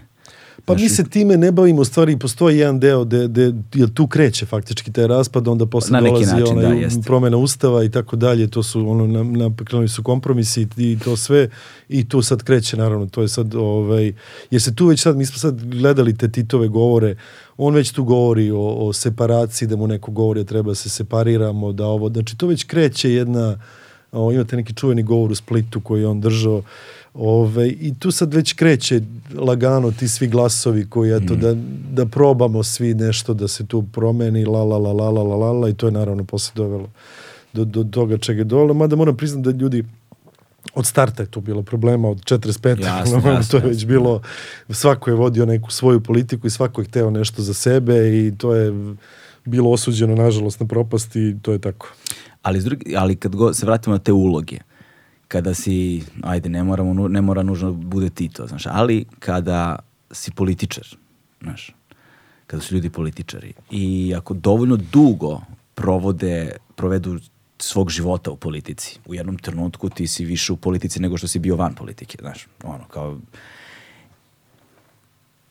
ti nužno na neki način postaješ ta uloga. Ona prestaje da bude uloga, Tako ona je. postaje ti. Tako je. I onda kada posmatraš to, kad, što si malo prepomenuo, vidiš ih na TV-u ili negde drži neki govor, ti sad vidiš osobu koja je transformisana. Ti vidiš konačni oblik nečega što je počelo pre Ali ti 20-30 ljudi, godina. ti ljudi počinju tako da se ponašaju privatno. Tako je, to to. Znaš, to je da. sad, ta, ta uloga te toliko preoza, ti sad sed, sediš u kafani i ti ćeš isto sedeti malo ovako. Da. Jer kao ja sam neki bitnik. Znaš, to je, Mm, i to je, mislim, pa bitnik, pa to je kao, mislim, znaš, to je, mislim, to je sve problem karaktera, to su sve, to su sve, verovatno, ti mali ljudi koji toliko te uloge, pre, ta politika je moć je zajebana stvar. Mm. I, ovaj, I onda kad dobiješ tu vrstu moći, pomisliš stvarno da si neki, ono, izabrani. Da. da. U stvari toga si- se treba čuvati. Pa to je zajebana stvar. Toga se baš treba čuvati. To smo ti ja pričali nešto pre neki dan i to je isto sad kao pomisliš sad, zamisli sad pomisliš sad mi smo nešto Mm. šatro popularni sad kao ja sam neki Zato je zajebano kada mlade osobe postanu popularne. Pa to je, e, kako ti kažem, mnogo mojih kolega je mladih nestalo. Sa glumcima je to zaista veliki problem. Da. To je baš zajedno. I sa muzičarima ume da bude, ali kod nas muzičari nemaju taj status. Pa nemaju taj status zvezdi, ali, ali ovo kad nešto ti se desi, pa kao ti pomisliš ovaj, sezonski, sad si odjednom si zvezda, odjednom te neko prepozna, odjednom piše, se slikaš sa nekim, odjednom pišeš neke autograme i pomisliš, vidi me što sam, znaš, i onda toga nema više. Ili to pre, postaje da ono, ništa. Ili pa se zaboravi, naravno, dođe još 18 drugih i zaboravite za tri meseca i kao... Za sad- dan, samo pa. Pa da, zato što je ta poplava je tolika i sad zamisli kad pomisliš da si, da si bitan. Mm. E sad zamisli političare, zašto političari neće da, kad si vidio nekog političara da ostavku ovdje, da kaže "E, ne mogu više. To, to je jedino što sam vidio od političara da su davali ostavke je novozelandska premijerka. Pa dobro, To, postoje da, po kao svetu to, znaš, i, o, i mislim da je bila u Finskoj, čini mi se, ali... Ali na ovim prostorima našim svim, ne govorim kako, samo na ovde su to doživotne fotelje. To je kao, znači ne daju, oni ne daju zato što, ne znam, vede kad im uzmu tu fotelju, oni verovatno ne znaju šta će sa sobom, jer im se gubi ta moć. Zanimljivo bi bilo zapravo napraviti, jel te, predstavu ili film ili, znaš, roman ili što god to, nekom političaru koji je bio to potpuno ludilo i onda mu je sve oduzeto i sad treba da živi običan sad? život. I treba da živi običan ja bi to gledao. Pa ja bi to čitao, ja bi to gledao, ja bi to sve, da, ali da je da. dobro. Zanima me kako bi to na- bilo napisano verodostojno i kroz šta bi taj lik morao da prođe. Pa ne, ja, ja, Kako bi ja ta ne- transformacija izgledala? Ne znam, ja to- Suočavanje s tom stvarnošću. Ne znam, mislim, ja sad sam gledao, evo, juče sam baš završio onaj First Lady, ovu, ovu neku seriju o, o ovim prvim damama američkim, N- n- nebitno, ali je kao vidiš, znaš, tamo imaš dva mandata, recimo ako si predsednik, i kao, i nemaš više, brate. Ne može više, idi kući sad, evo ti sve, ali ne, više nemaš. Pa da oni žive u nekim drugim prostorima i drugim vremenima s drugim parama. Naplaćuju govorancije Boga Tako oca. je, da. onda ćemo sad da putujemo, ja sad držim predavanje na ovom za milion i putujemo i bit će nam lepo i imamo više vremena za decu, šatro i tako dalje i tako dalje. Ali mislim, to je tamo neki, neki drugi nivo. Pitom je ta moć verovatno isto, o, zamisli moć predsjednika Amerike ili Da, predsjednika Rusije. bio To su- sam, u, bio sam u Sevilji na nekom projektu pre nekoliko godina kada je Obama dolazio da drži neki govor na temu očuvanja životne sredine. ili šta god. Opsadno stanje. Opsadno stanje. Pa da, pa ne može Pola to. Španije stalo. Jes, sve brate. stalo ćuti, baci telefone, ko si ti šta radiš ovde i tako dalje. Pa ne, to je, to je jezivo. Ali ti ovo sitno ovde, ovo naše. Znaš, ti ovde, ti ovde ljude, kad su ono uh, upravnici zgrada, ja mislim da oni već tu dobijaju, ne, ne svi naravno, ali kao, znaš, već si neki izabrani Da. u svojoj zgradi. I već se malo tako i počneš da, i da se ponašaš. Ja znam. Znaš, to je ono što je ovo, mislim, to, to je pitanje ovog nekog karaktera i mentaliteta ovde i, i dosta je teško stvari vidjeti, ne pamtim, vrlo je redko da vidiš nekog uh, političara koji je uh, kao ostao normalan. Mm. Aj sad pojave se naravno tu i tamo neki ljudi, onda prođe neko vreme i vidiš da su ušli u neku matricu. Ali sad evo kad pogledaš sve ovo unazad, ne znam, 30-40 godina, za, za kog ćeš da kažeš da je kao sad ostao isti od početka do kraja? Razmišljam. A Evo vidiš čim razmišljaš. Žarko Korać. Pa eto, Žarko Korać, da. Ali do, da. Da prije, ne znam, znaš. Da, red, recimo, ne znam, otko znam, ne znam čoveka. Pa kao, ne pa- poznaje ga ni ja lično. Da, da, ali nije on Nek- bio, mislim, on je bio nešto kratko, je bio Da. ministar i gotovo, tako, nije on bio neki... Pa dobro, da, ni sad neku značajniju, zapaženiju ulogu Da, u tom ali- smislu, daš. Ali o to da su, ali go, go, govorim o garnituri koja je tu ono, od 90-ih na ovamo, koja još uvek dominira, to nema, to Bože sačuvaj. Ne znaš. postoji, ne, postoji da. niko. Niko ko ti bio na, kao na početku simpatičan i sad kao imaš prošlo neko vreme i sad kažeš i dalje mi je simpatičan. O, to ne postoji, Nema, apsolutno. da, nema. je, Znaš, nema, nema, nema, nema. To je zaista neverovatno. To je zaista neverovatno. Pa jeste, zeznuto je. Baš je, baš je zanimljivo. sad, kako, kako a, razmišljajući sad na tu, na, na tu temu, u tom smeru, sad ti kao glumac ili vi kao glumci, kako glumac glumi glumca, s jedne strane, i kad s druge strane, kako glumac glumi Tita. U, u, recimo, a, to sam posmatrao, recimo, po, vi pozdravljam ovom prilikom, evo, Jasna je tu, pozdravljam Borisa, E, ja sam bo, ja- pozdravljam, pozdravljam, Bori, pozdravljam Ja sam Borisa. namerno uzeo jacu da mi stoji od... Da. Ubiće me zbog ovoga. Kao kupite jasno Đuričić. Da, ovaj, i Product placement. posmatrajući Borisa Isakovića, recimo on je glumio ono, od, glumio Slobu, pa je glumio... On je sve oglumio. On je sve odglumio, je znaš. I kao čovjek sad koji sve glumi. Da, i kako izgleda glumiti takve istorijske ličnosti, koje su vrlo specifične na ovom podneblju, sa vrlo specifičnom težinom, društvenim kontekstom, i kao sad ti izlaziš i nosiš to, znaš, u sebi, na sebi, to delo. Te Pa cipele. znaš šta, sad ću ti kažem jednu stvar. Ja se stvarno nisam bavio imitacijom niko od nas, ni, to nas nije zanimalo, jer to mene zanima. Da, ono malo inserata što sam vidio ne deluje kao ne, imitacija ne, nikakva, uopšte nije, nego- nego- I scena je vrlo zanimljiva, ono. Pa jeste, zato mislim, ajde sad ne pričam, ali smo napravili scenografiju koja je sva na naduvavanje i sve neko, m, sve je neka laž. Sve je naduvano. Jeste, sve je naduvano. I prenaduvano. Da, da. Ovaj, Do pucanja. Pa i onda sam nekako se trudio da se ne bavim naravno imitacijom, nego da vidim šta tu može da ima nešto ispožiti. Šta, kad pročitaš to sve o njemu, ti shvatiš da je on sve. Znači, bukvalno sve. Da čovek koji je sve to radio, ratove, i goli otok, i ludila, i čovjek koji svaki dan gleda jedan film.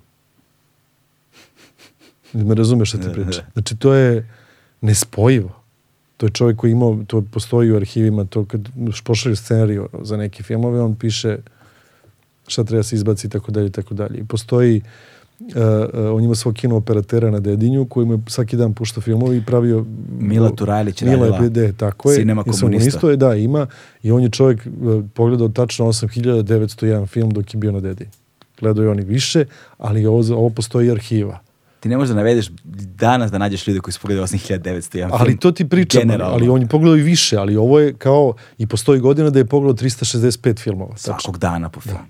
Znači uvek je, i to je za sve vreme kod je bio ovde, to je, to je zvanična dokumentacija. Sad šta je bilo dalje, i pamtio je sve filmove. To jest, priča taj, baš kod, kod Mile u filmu, priča taj operator kako mu je pustio neki film, nije mogu da nađe neku traku jer je jurcao tu po Zvezdari, Beogradu, la la la, ovaj, po bioskopima uzimo trake da mu pušta uveče i ovaj, nije našao i našao neku traku koju je pustio pre tri godine i kaže ja sam mu pustio i on je posle dva minuta se okrenuo i rekao pa ovo smo gledali majku ti beže. I, znaš, i on kaže, joj, jesmo, joj, izvinite, predsjednič, pa dobro, kao, nemoj me, znaš, nemoj me zezati, sad znam da sam gledao. I sad ti kažem, da, znači, da to sve staviš u, u, u taj jedan, ono, čup, ti ne možeš da izabereš jednu stvar. I nema tu dominantne crte. Zato što je to sve. Da. I što kaže Richard Barton, mnogo je teško igrati glumca koji je veći od mene.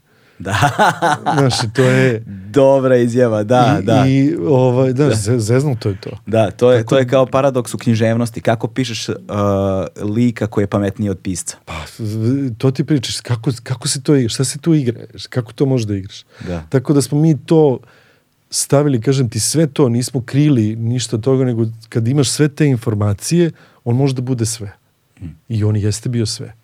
I sad ti ne možeš da izvučeš neku glavnu, dominantnu crtu koja kao u svakom liku postoji ili u svakom karakteru postoji, koja je to karakterna crta koja može da ga, da ga izdvoji. Tako da ja nisam osjećao odgovorno zato što sam se trudio da ne bežim od svega toga. Pa i ono, ako je to, jer je to izmišljeni događaj, Da.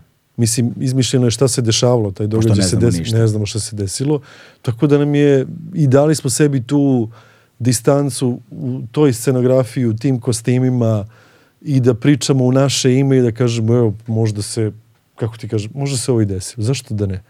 Tako da, jer mi sami ne znamo ko su bili ti ljudi. Mm.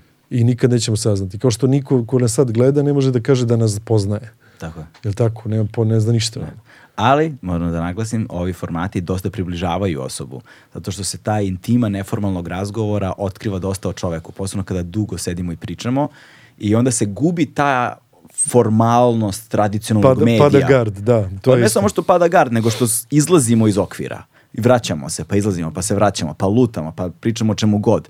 I onda to slobodno asociranje ideja u velikoj meri razotkriva čoveka. Pa na kraju krajeva na terapijama kad sediš slobodno asociranje ideja je ono slobodno asociranje Da, da, misli je da, da. glavna stvar na Da, da. osnovu koje je terapeut ili terapeutkinja zaključio o tebi. Tako znaš. je, tako Znaš, sva- svašta da to. Pa, boga mi, sad sa veštačkom inteligencijom, Jo. znaš, ima dovoljno uzoraka tvog, tvojih razgovora na internetu da Tako više je. ne moraš nigde da gostuješ. Tako Sve može da se generiše. Tako je. Kako je to strašno. Znaš, ja sam razmišljao sam pre neki dan, pošto prijatelj jedan mi je rekao ovaj, kako sada kao kroz dokumentarni film i neke komercijalne projekte, ovo ono, strašno mu je skupo da se bavi autorskim pravima i, ovaj, i onda radi AI generated music. I kaže, brate, daš ono inpute, odnosno parametre a, I sve ti i izađe. kao radim ovako, ovako, ovako, treba mi za ovaj format, za ovu priliku, za ovu temu list? i izbaciti, napraviti muziku. Ono, komponovati, razumeš, orkestrirati, ono, aranžirati, napraviti, producirati muziku koja ne podleže autorskim pravima. I onda ti imaš for free Čekaj, to muziku i kaže da je odlična muzika. Kaže da je odlična muzika na i da čemu to? niko... Na- gde nađeš to? Na ovom Pa imaju sajtovi koji to rade. Ne chat GPT, nego imaš sajtove, ono AI, koji generišu muziku, kao, naši, kao, kao, kao što imaš ovaj koji generišu, to je, to je taj AI generated art, pa možeš da radiš fotografije, možeš da radiš slike, možeš da radiš svašta nešto i to možda biraš u kom stilu. Možeš da tražiš kao Baneta Trifunovića u stilu Van Gogha, ono, znaš, da dobiješ, brate. Kao Đuleta Van Gogh. Da, može i Ovaj, tako, da, da, da. Dakle, gde smo stali? AI generated art. Strašno je. Šta si mi sad pustio? Strašno. Si vidio? Ne, ovo je, za- ono, baš, za- mislim, ovo sad otvara, mislim, sve će biti, sve ćemo biti bez posla. Pa, uh, otvoreno je pitanje, znaš, um, dve stvari koje su se sada potegle, jeste, postoje udruženje umetnika, uh, pročitao sam nekoliko vrlo zanimljivih tekstova i pokrenuti su sudski postupci određeni um, i sada to u svetu umetnosti povlači neka pitanja, znaš, jer uh, postoje likovni umetnici koji su videli da je ogroman procenat kao jer je taj stil bio popularan u tom trenutku, um, uh, umetnosti generisane veštačkom inteligencijom bilo pod uticajem njihovog stila gde je u jednom trenutku kada su u početku viđali te radove, bili su, nisu bili dovoljno blizu onome što su oni radili, već je delovalo kao samo inspirisano i bilo im je simpatično. Ali onda su radovi postali sve kompleksniji, sve bolji i u jednom trenutku su postali neodvojivi od toga što oni rade čak i za njih same. Što je postalo, onda su se zabrinuli i bili u fazonu, ali gde su moja autorska prava? Ali pitanje autorska prava na stil su klizav jest, teren. Jest, vrlo. vrlo klizav teren. I sad postoje određene udruženja umetnika koja zajednički potpisuju kao nekim peticijama i šta ti ja znam i sad pokreću u Americi ono ceo postupak pravni oko toga da se sada postave ti parametri da vidimo kako ta autorska prava mogu da se i da li mogu i da li uopšte mogu. Jednom uvedeno društvo neće to sad ići unazad, znaš. Pa ne, ne, zato kažem, to samo može da, da, da, da, da e, ono, eskalira u nešto potpuno drugo u situaciju gde pogotovo u umetnosti i ljudima koji se ba- tipa sa scenarijom, ti sad vjerojatno uku- ukucaš I to se radi. neku, da, ukucaš neku temu i ona ti izbaci te AI ovaj ti izbaci sve ili pesmu ko što si mi sad puštao Hendrixa i Amy Winehouse kao ko je napravio neki nije čovek Pritom napravio. je to pre dve godine. Sada je to značajno bolje. Kažem ti, veštačka inteligencija ne dovoljno tri sekunde tvog glasa da može da ponaša tvoj govor, tvoj akcenat, sve. Majko, čemu mi pričamo? I sad mi nešto drvimo jer budemo pa pametni. Pa šta, kako ćeš budeš pametan kada evo, mogu si da staviš ovde neki hologram i da kao stisneš, to, to, misli, to, i to će se dešavati, verovatno, ili se već dešava. Pa dešava se, ti imaš izmišljenih intervjua koje je generisala veštačka inteligencija, poznatih podcastera i to on- online ima da se gleda sa pokojnim ljudima koji više ne postoji, gledaš intervju koji se nikad nije desio, tri sata razgovora. Znaš, potpuno sumano to. Scary. I ima, I ima već veliki broj knjiga, priča, scenarija koje su, koje je generisala veštačka inteligencija koja radi jako dobro. Pitanje je samo koliko precizne parametre daš. Ali mogu da pišu u stilu određenog pisca, sad daš, ne znam, kiša, u stilu kiša napiši mi roman o, i daš temu. I napiši, izbaci ti roman jebote. Sa ovim daš mu parametre koje su neophodni. Da, da, da, sve si mi rekao, sve. nego sam ne znam šta da, uopšte ne znam šta da mislim. Treba mi vreme da ovo procesuiram, nisam znao, ne, ne pratim to, a ovo sad je baš zastrašujuće. Jeste, jeste, Baš fascinantno. je. strašno. Baš strašno. Znaš, meni je žao što nisam uh, bolje obrazovan u svetu tehnologija, jer nikada nisam bio bliz, blizak s, s time, sem ko klinac kad sam ono igrao igre. Ovaj, I onda ne poznajem programske jezike, ne znam ni jedan programski jezik, ne poznajem dovoljno, dovoljno kompjuterske sisteme, informacione tehnologije, ne razumem ono jezik, uh, terminologiju, logiku iza toga, ne, nisam dobar u matematici, u fizici, Da, da, da, ne da. razumem te zadatke, arhitekture, neuronske mreže, ništa od svega toga ne razumem dobro i sad se pokušavam negde u hodu sa ovoliko godina koliko imam da se obrazujem što bolje mogu, ali nije Da, jednostavno. treba de, to jer je tehnologija otišla toliko daleko da je meni sada stignem i da budem 30 ono, godina. da budem up to date sa onime što se dešava nemoguće. Da, da, da, A da. tehnologija počela tako eksponencijalno da raste. To su, to su nazvali pre, ne, pre nekoliko nedelja sam saznao dupli eksponencijalni rast. Što znači da ti, ako bi sada hteo da napraviš prezentaciju o trenutno najsavremenijim stvarima koje AI radi, veštačka inteligencija radi, a da si stručnjak za veštačku inteligenciju, ti bi dok praviš prezentaciju tog dana nekoliko puta morao da proveravaš šta se updateovalo što ne znaš u jednom danu. Branit ću se čutanjem, A? uopšte ne znam.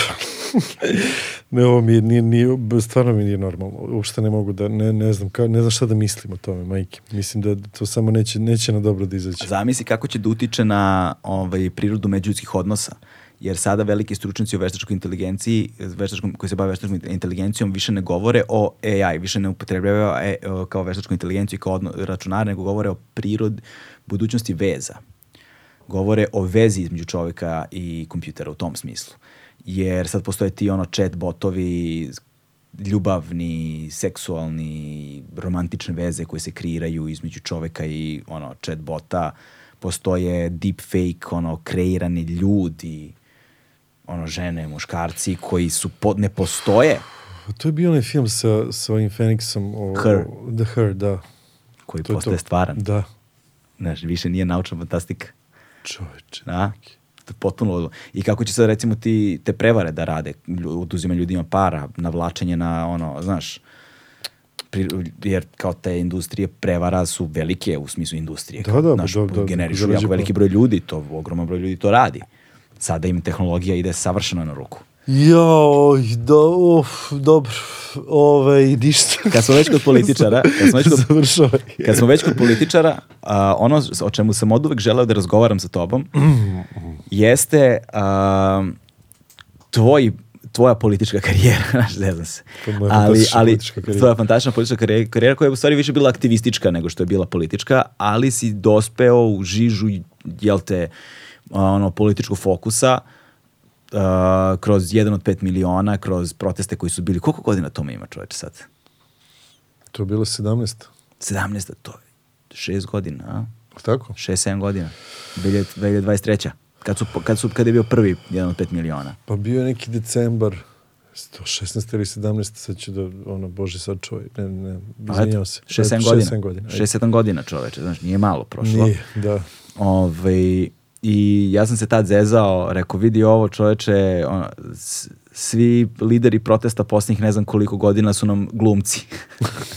Nažalost. Znaš, jer su u velikoj broj, znaš, i na ovoj i na onoj strani. Da, znaš, da, ono, da, da. Ljudi, ljudi sve to glume, šta li je to?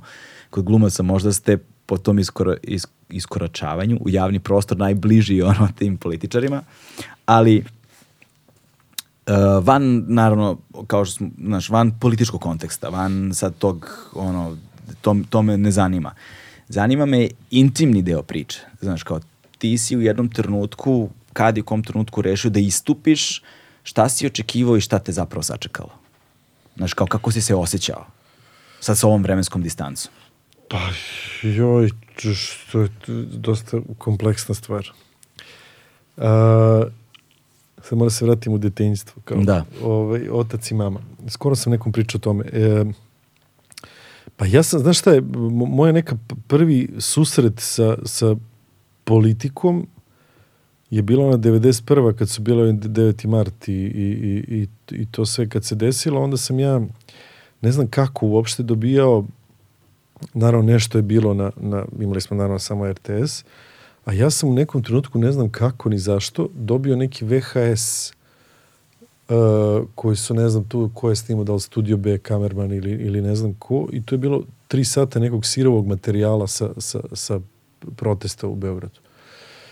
I ne znam kako je to došlo uopšte do mene i ja sam to ono puštao taj VHS i gledao i video da nešto tu nije u redu u smislu ovo što sam ja čuo o tome sa nekih televizija i ovo što sam ja gledao nešto se tu nije poklapalo a vidio sam gomilu gomilu ljudi na ulici koji su ovaj, koji su neko kako kažem, vrlo strastveno u tome i, i nešto tu i meni je ta slika one žene pred, onim vodenim topom ovaj, mm. koji je ovaj, Cvekla, naš pokojni fotograf slikao ovaj, meni se to urezalo kao kao nešto stvarno herojski. Da.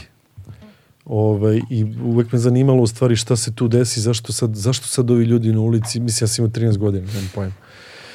I tako da mene tu u stvari počela da, po znacima navoda, zanima politika u smislu da vidim šta se tu šta se tu stvarno dešava. I onda naravno kreneš nešto da čitaš, da gledaš, da, da razmišljaš, da, da, da to što čitaš ili slušaš neku muziku dobije neki drugi kontekst, pa vidiš kako su svi ti neki autori, glumci, ne znam, pesnici, pisci, ovaj, imali tu političku svest, šta god to značilo. Pa imaš ono Brehtovo da, da, da je ovaj, najgore od svih vrsta nepismenosti, ta politička nepismenost, jer ona te do ona ta, taj političar ovaj određuje cenu krompira, cipela i tako dalje i tako dalje tako da je nemoguće da si ja političan u, u tom i takvom svetu i onda naravno da počneš da razmišljaš o okruženju, o tome i tako dalje i tako dalje i tako dalje.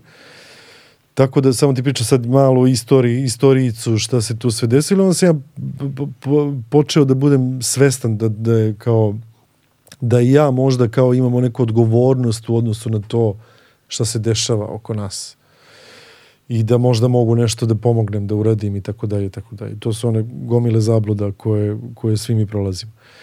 Tako da kad se desilo to što se desilo i kako su krenuli ti, ti, ti protesti, ja sam pozvan da govorim na tom prvom protestu gde su bili još, e, trebalo je da govore i Dulevo Jošević i Mira Karanović, pa su oni dobili neke pretnje i da, da, da, i nisu, onda sam ostao samo ja, oni su bili tu pored mene, ali nisu govorili.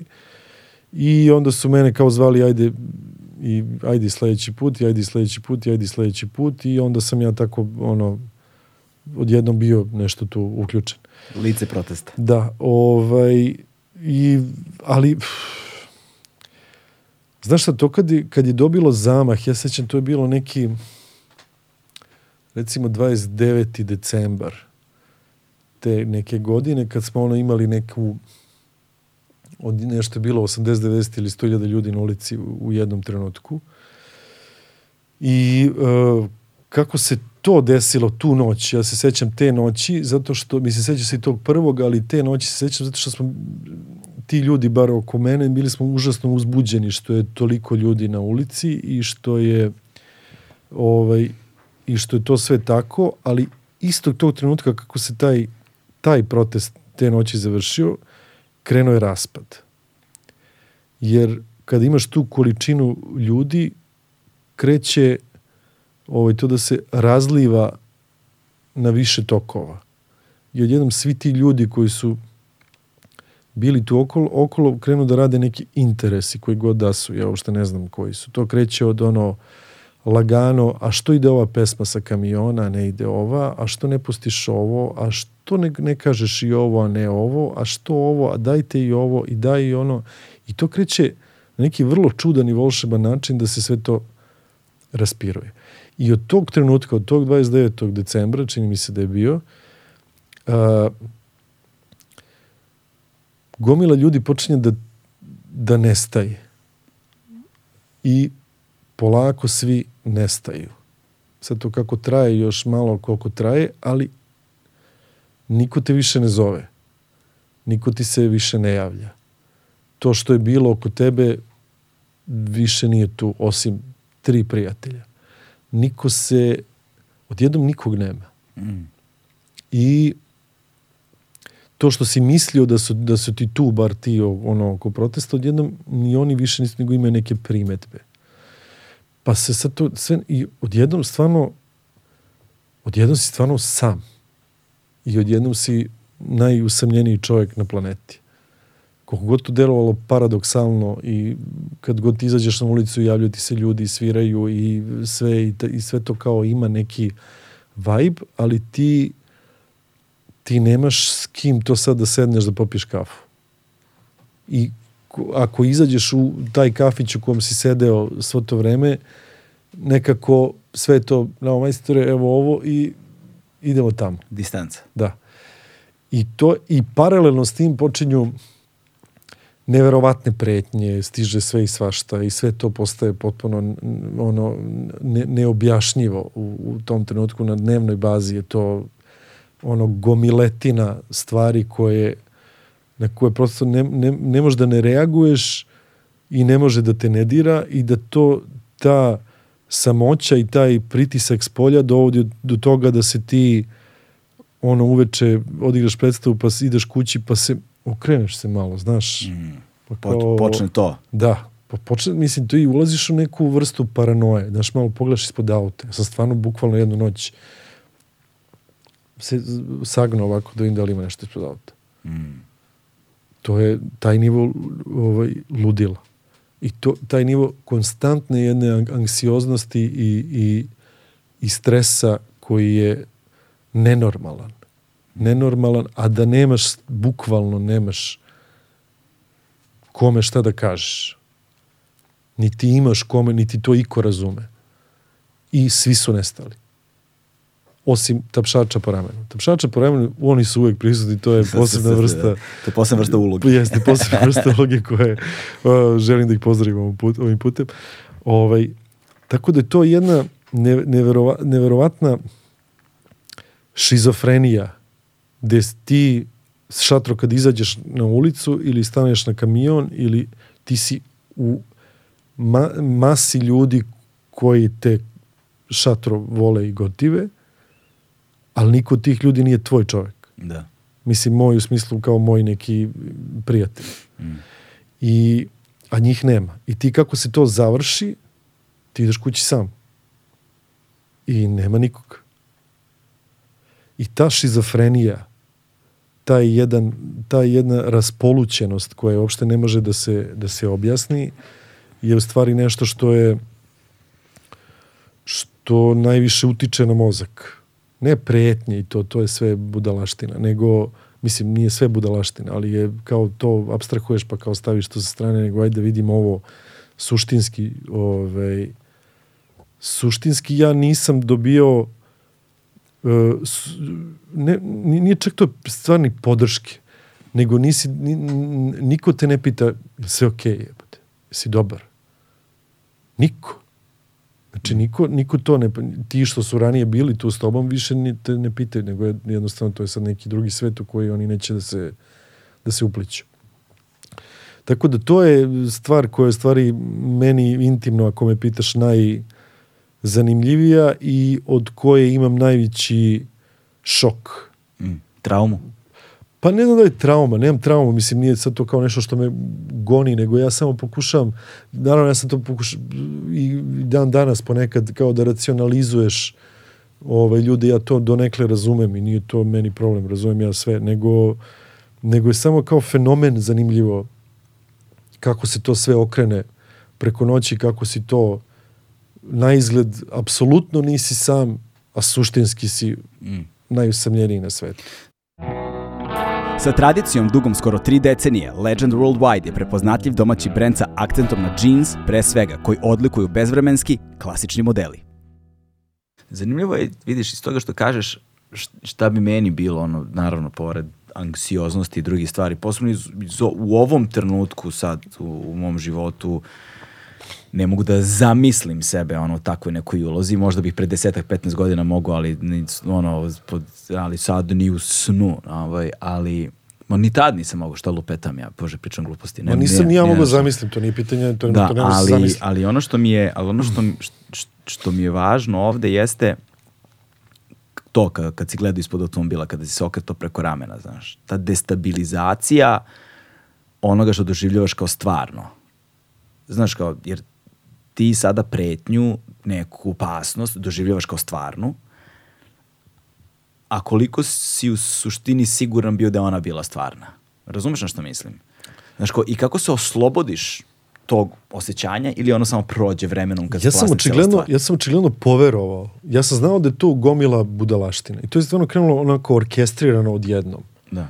Nije to kao pomalo, nego to je bio neki ono rez i sad svi. I onda je svi krenuli.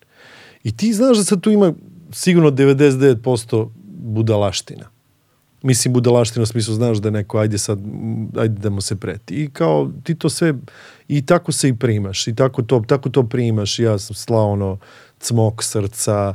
Znaš, pokušao sam da to kao ovaj, se zezam s tim koliko god mogu ovaj, onda je to postalo sve gore i gore i gore i gore i gore. I ja, ti dalje negde podsvesno znaš da to možda nije baš sve tako, da su to neki ljudi koji me neko rekao da to rade, ali je nemoguće da se isključiš od tolike količine toga. Mm. I zato sam ja krenuo da se okrećem. Da. I, ipak probije opnu. Pa naravno da, pa ne možda ne, mislim... Ne možda Napukneš ne, malo. Naravno, ne može, ja se sve namerno, kako kažem, pokušavao da pobedim taj svoj uh, nagon da izlazim što više napolje, na ulicu, da sam tu, da nisam sad zatvoren u kući. Ja sam naravno sve radio, sve je bilo u ali, znaš, imaš taj, tako da to, to, to te destabilizuje u tom smislu, jer sam onda u jednom trenutku uh, tagovao sam nekog političara i rekao, dobio sam neku pretnju, rekao, nadam se da ćete vi ovo rešiti, la, la, la, kao, eto, čisto da probam da vidim. I sutradan su me zvali, kao našli su tog čoveka i ko je šta je. Mislim, to je neki čovek koji je, uh, uh, radi kao nadničar negde tamo u Vojvodini, ima ženu i dete, nezaposlen je, ali na toj toj televiziji čuo da sam ja to i to i on je rešio da, da meni to izgovori, jer, sam, jer je u meni pronašao krivca za, za sve to svoje. Tako da je ovaj to je taj neki profil ljudi, bar ti koji nisu, nije im neko rekao da to... I to su tragične ljudske sudbine. To su užasno tragični i to, je- to je stvari najveći paradoks od svega to kad sam shvatio ko je i šta je i, i, i, i kako to funkcioniše a u stvari, i u stvari da, su, da, da sam ja bio izgovor za sve njihove frustracije za koje nemam nikakve veze niti utičem na to niti mogu da im pomognem niti da im odmognem ništa ne mogu jednostavno ali eto su oni pronašli krivca u meni ovaj, a u stvari su to najopasniji ljudi Mhm. jer je Da. jer ti ne znaš ko, kolika je ta njihova frustracija i da li bi sad on da sam ja slučajno prošao taj neki dan kroz njegovo mesto ili selo kako bi se on ponašao prema meni. Da, ali ta iluzija društvene kohezije u različitim pokretima gde se ispostavlja zapravo da ljudi vrlo lako ostanu sami. Znaš, kao da, da, da jer, jer negde to pokazuje onda, to služi kao platno na kome se onda oslikava, sad zamisli kakava osoba moraš da budeš da bi bio uspešan političar ono, u ovakvom jednom sistemu 30 godina. Pa to je manipulacija. Znaš, kao, To je klasična kog nivoa ti dođeš, znaš, kao, jer svi su oni nekada bili s druge strane, ne mislim s druge strane ideološki, nego kao bili su obični građani u nekom Moram da ti trenutku kažem, mnogo je života. lakše kad si ti, lakše u smislu ti se odluči se baviš politikom, ja nikad ne bih naravno, ali kao sad ti, kao neki političar ti postoji nek, neka, neko jezgro neke stranke, ti imaš neku vrstu zaštite. Mm. A kao, to misliš kada si stranačka Pa ličnost. to, da, kad da. si kao neka stranačka, ti imaš neku vrstu e, e, vidljivosti i neku vrstu zaštite. Pogotovo sad ako uđeš i u ono, od gradskih skupština do, do parlamenta ti kao imaš nešto gde si kao nešto šatro sigurno. Da. I nalaziš, se- nalaziš se u jednom sistemu. Tako je, i ti si u sistemu i ti sad to, naravno, ovako ili onako, i nije, često nije prijatno i tako dalje, ali postoji ta vrsta sigurnosti neke kvazi. A ovo nije, ovo je bio neki ono ad hoc protest koji je prešao nešto drugo, ja niti sam imao ovaj, ambicije da se bavim politikom i tako dalje, a ono što je vi- vidiš vrlo zanimljivo, e, većina tih političara, e, njih je samo zanimalo da li ja nameravam da se bavim politikom.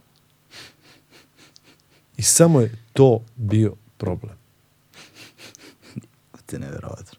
E to je ono što je meni isto fascinantno. Znači njih nije zanimalo, govorim o, i o jednima i o drugima, Da. pogotovo ovima kao šatro koji su ovaj, s ove strane. A, znači oni su se bukvalno svake nedelje bavili time da odgovore na pitanje da li ja osnivam stranku. Da, jer I to je tu ti jedina je- stvar koja njih potencijalno ugrožava. Tako je. I ništa, ne ovo, ništa šta je, šta mi priš, šta je naša ideja, šta je želja, šta Šta je je protest? Da li tu 100.000 Da ljudi to- ili 100 nije- ljudi? ne, to ih ništa je ne zanima. sve, mislim, to ih do, naravno ih je plašilo zato što je bilo toliko ljudi, šta sad s tim, šta ako ovaj Kao sad gene- kaže. generišeš veliki broj ljudi, Šta da. sad ako ovaj kaže, e, ja ću sad da napravim, ne znam, pokret za šumbulo bombulu. Da, da, da. E, njih je to zanimalo. Sve.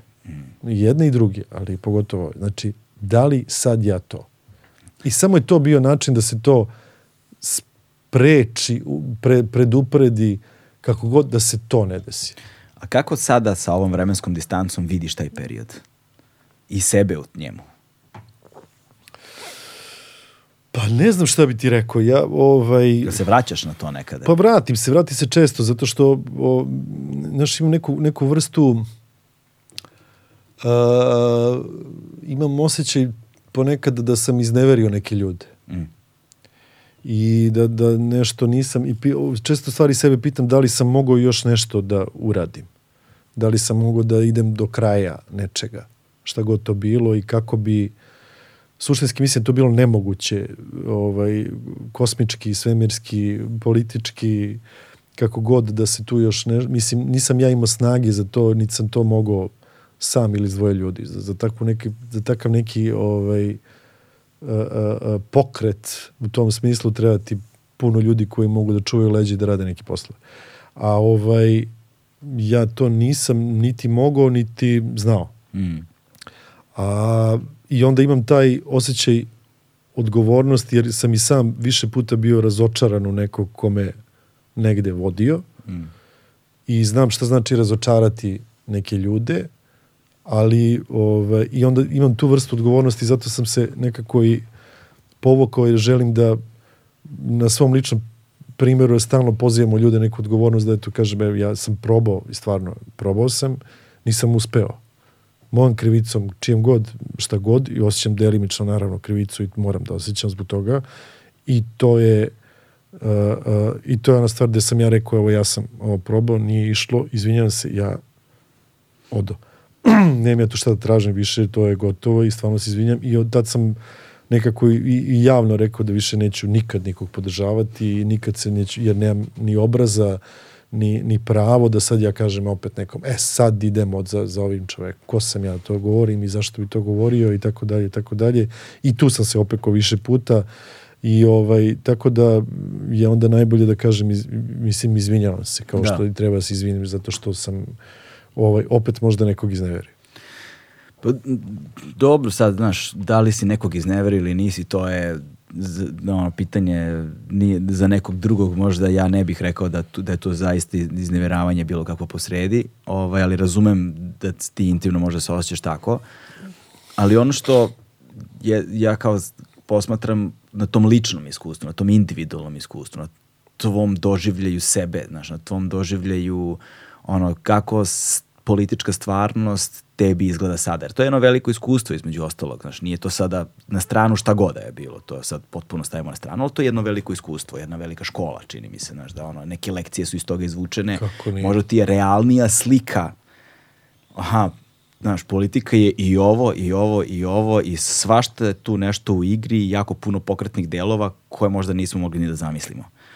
I onda kada ih do, kada odi- osjetiš dodir toga, kada fizičku stvarnost, kada se, kada se približiš toliko da zumiraš, da osjetiš teksturu tog sistema, To ja to nisam mogu pretpostaviti šta je to u stvari. To, mislim, to, to bavljanje politikom u ovim okolnostima, ja mislim da to nije samo ovde, nego verovatno svuda, to je ludilo. mm, To je, pot, to je potpuno nepojmljivo bilo kom čoveku, običnom, koji sad sedi, ne znam gde, u, u, u Čićevcu, u Nišu, u, u Kragujevcu i ne zna ništa o tome zna sa televizije. To je potpuno nepojmljivo šta tu sve, čega tu sve ima. I to ne može da se prepriče, ne može se objasniti, to je to je ono House of Cards, ali to je i to je isto malo ovaj ulepšano. Mislim to je stvarno treba živjeti s time svaki dan. Treba živjeti Treba leći u krevet i spavati i ustati ujutru. tako je. To su stvari o kojima ja razmišljam, znaš. Pa mi- mislim mene znaš ja, ja kad se kad su kad su bili protesti ja stalno govorio ajde znaš bolje sad to sve da kažem da ne bi ustao za 15 godina i rekao što nisam ovo rekao, što sam ćutao, što sam ovo i to me kao stalno gonilo mene moralno da kao nisam ćutao u tom trenutku.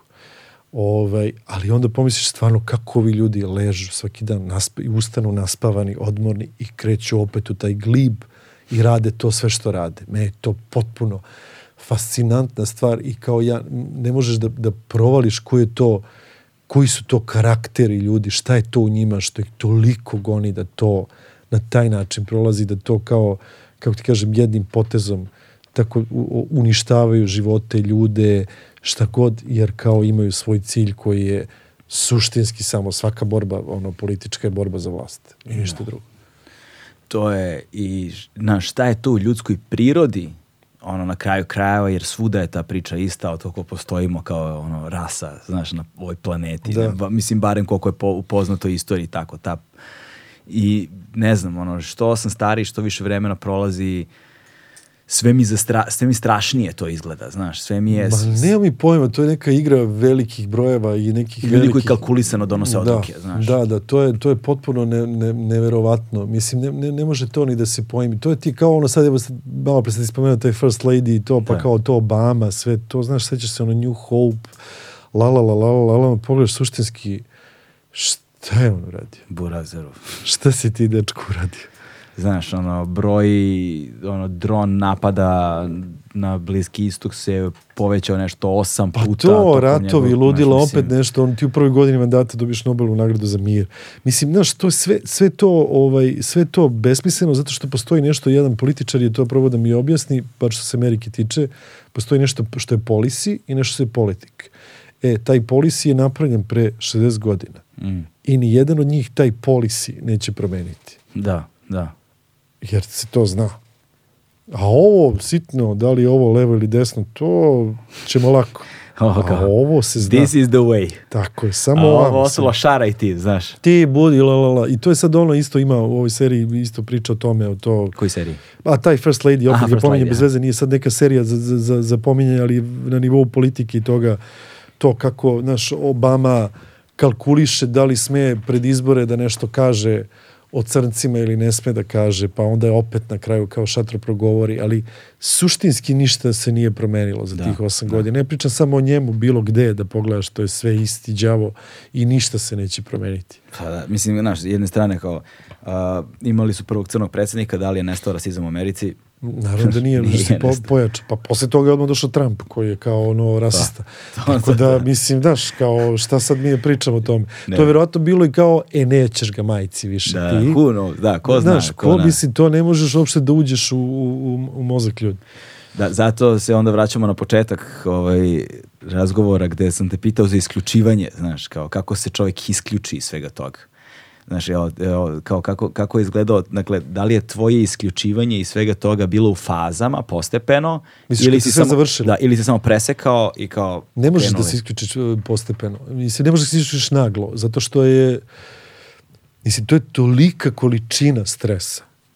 To, koliko je to količina stresa? Ne mogu da ti prepričam. Ja ne, ne, ne, ne, to ne može se, na, ne, ne može se nacrta. Ja, ja sad kad pogledam na, na taj period ceo pa i posle toga, to je tolika količina stresa, konstantnog, Da. da je to ne, ne, znači neobjašnjivo. Jer ja sad računam od tog prvog mitinga gde, su, gde smo mi, sad ja se sećam, sedeli u tom nekom kafiću pored, pored filozofskog i ovaj i kako smo seli kao popijemo kafu i onda su krenuli da nam pričaju stižu pretnje, stižu pretnje, stižu pretnje, ne znam, za Duleta Miru stižu pretnje, šta radimo, stižu pretnje Gađići, Vojići, Bej, oj, oj, oj, i to je znači, Kreće. o, kreće. I bukvalno od tad si ti na, na 250, tebi su sva čula upaljena. Ja sećam kad sam držao taj prvi neki govor, znači ja se tresao nenormalno. Ja nemam tremu, ja nisam čovjek tremaraš. Ali ovaj, ja, samo, ja, ja se stvarno sećam da mi se tresla noga ovako i da sam samo mi razmišljao, ne, ovo sigurno se ne vidi, ne, ne da se vidi, ali kao ajde ne vidi se, ne vidi se. Ja, sam se oteo da, da umrem od stresa. I to je, znači tad, na klik počelo i trajalo, i trajalo, i trajalo.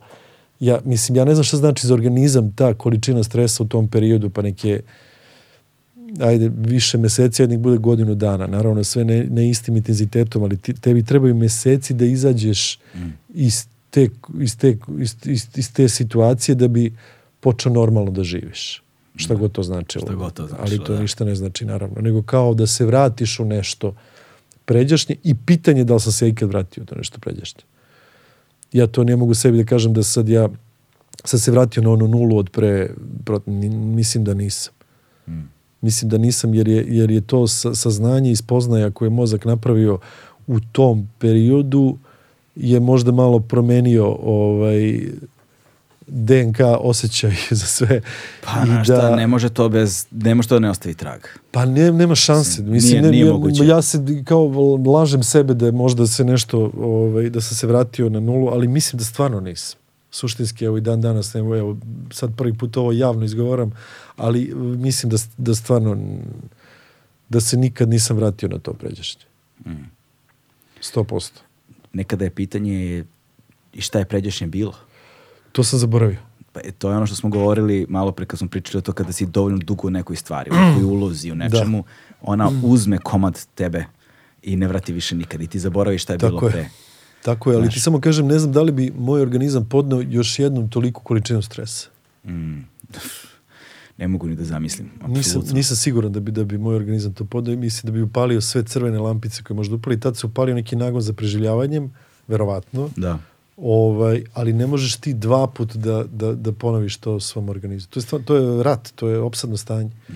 Nije to sad kao život. Kogod si ti trudio kao imaš normalan život, jedeš. Kao idem na uči- kafu, ležem, spavam, kao. Da, da, sve cool. Znaš kao, ne. Glumim predstave, Je, idemo na ručak. Predst, jest, igram glumim predstav, ispovraćaš se pred predstavu pa izađeš na, Ne. na, na, znaš, idemo to- na koncert, kao Jeste, slušam wow. žurka, hoćeš na žurku. Ko je, znaš, kao sve ide, ali ti to nije, ti nisi, ti, ti uopšte nisi prisutan. Ti ni, ono, to je, a dodatno moraš da staviš masku o ovoj glumi o kojoj smo pričali i o predstavi svemu, da ti staviš masku da je sve cool. Da, ti projektuješ samopouzdanje. Tako je. Ti projektuješ jasnu poruku, nesalomivost. I, jest, I samim tim ovaj, ovde praviš dodatni problem koji ne, naš, ne može da se ne može d- mozak da dešifruje. Ja to nikad ne bih mogao da izdržim.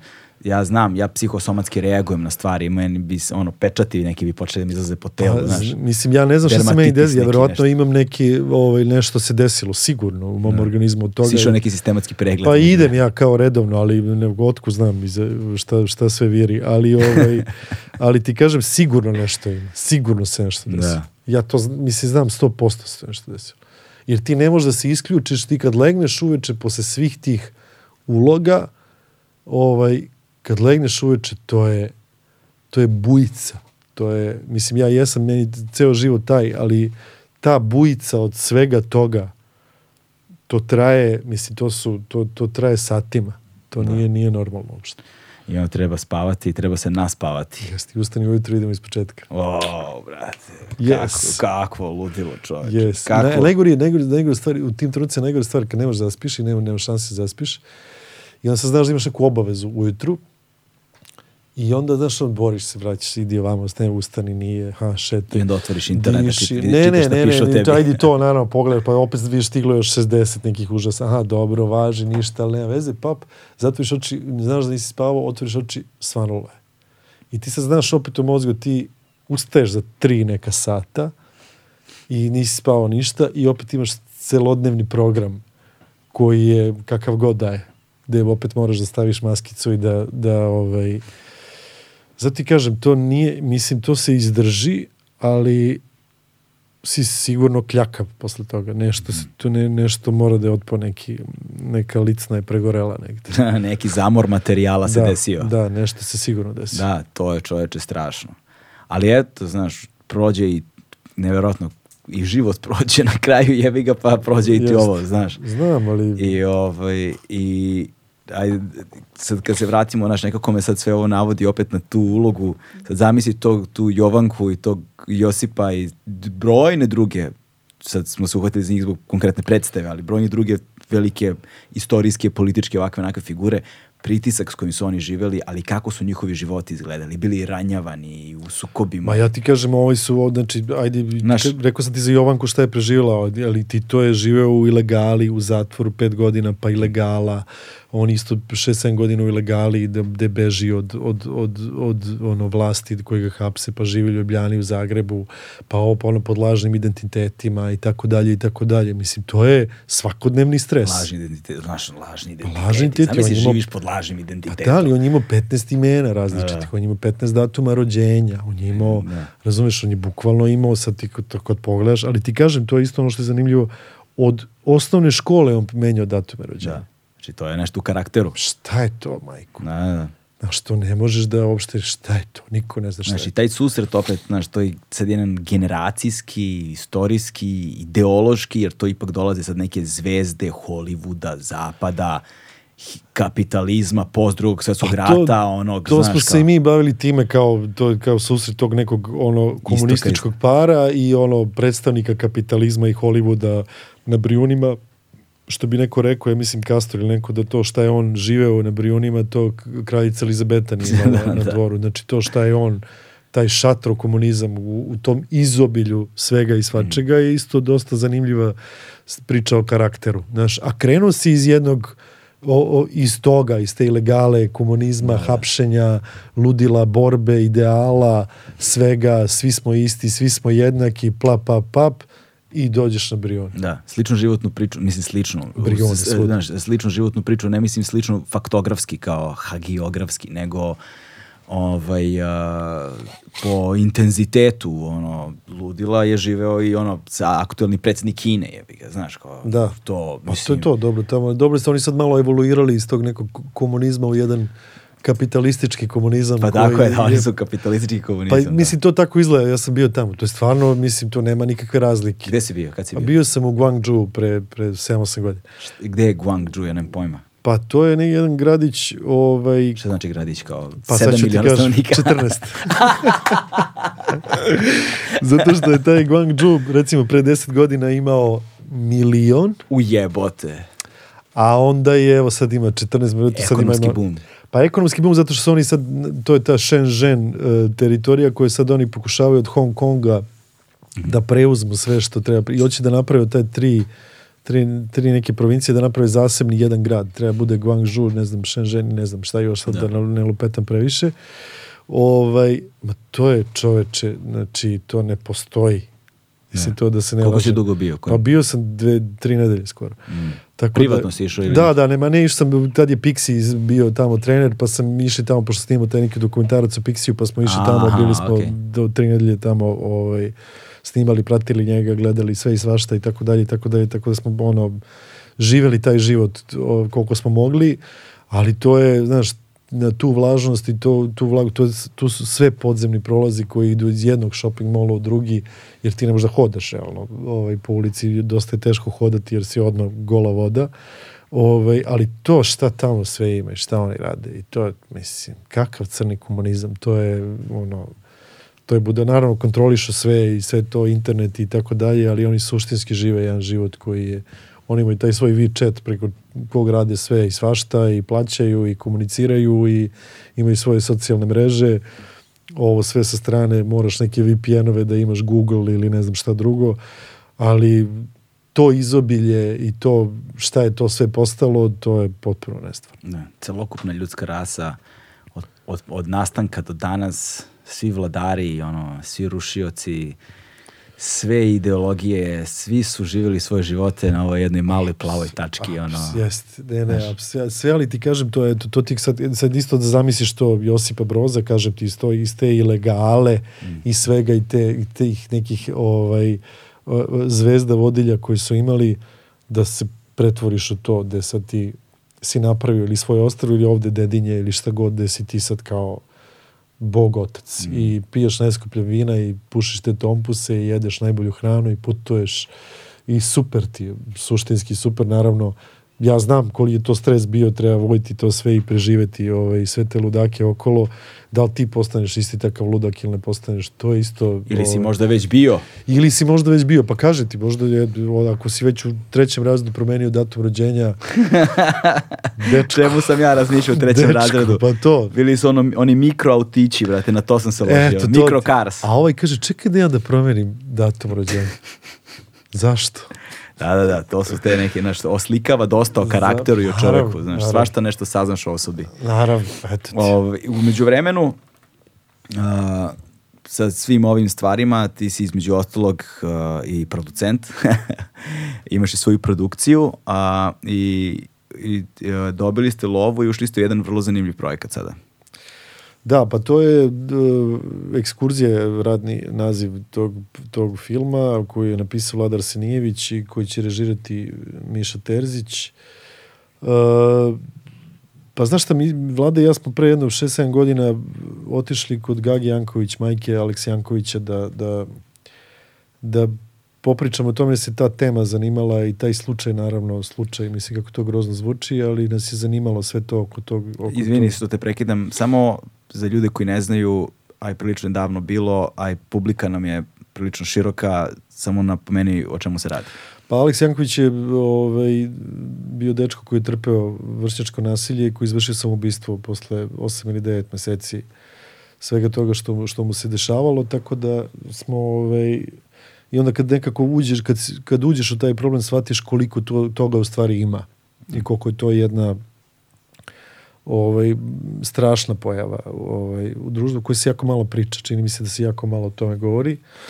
Ovaj, tako da smo mi želi da napravimo tu priču o tome i da posvetimo. Postoji još jedan dečko u Sarajevu koji zvao Mahir, koji isto to trpeo i koji isto izvršio samobistvo, gde su ovaj, Aleksini roditelji stupili u kontakt sa njegovim roditeljima koji su nažalost umeđu vremenu ovaj, to jest majka i očak preminuli i onda je ovaj, su napravili fondaciju koja se zvala Aleksa i Mahir a tako da će naš film biti posvećen njima dvojici jer, jer na, na jedan način govori o, o, o, o tome što se dešavalo pa smo mi Uh, krenuli da pričamo o tome, onda nam je Gaga dala sve te papire od svega što se dešavalo i tako dalje i tako dalje. I mi smo stvarno onako sedeli više sati s njom i ona nam je sve to prepričala, ispričala i mi smo baš bili onako ovaj, nismo mogli da zamislimo šta tu sve ima i koliko tu stvari ima, koliko je tu stvari kompleksno i koliko je to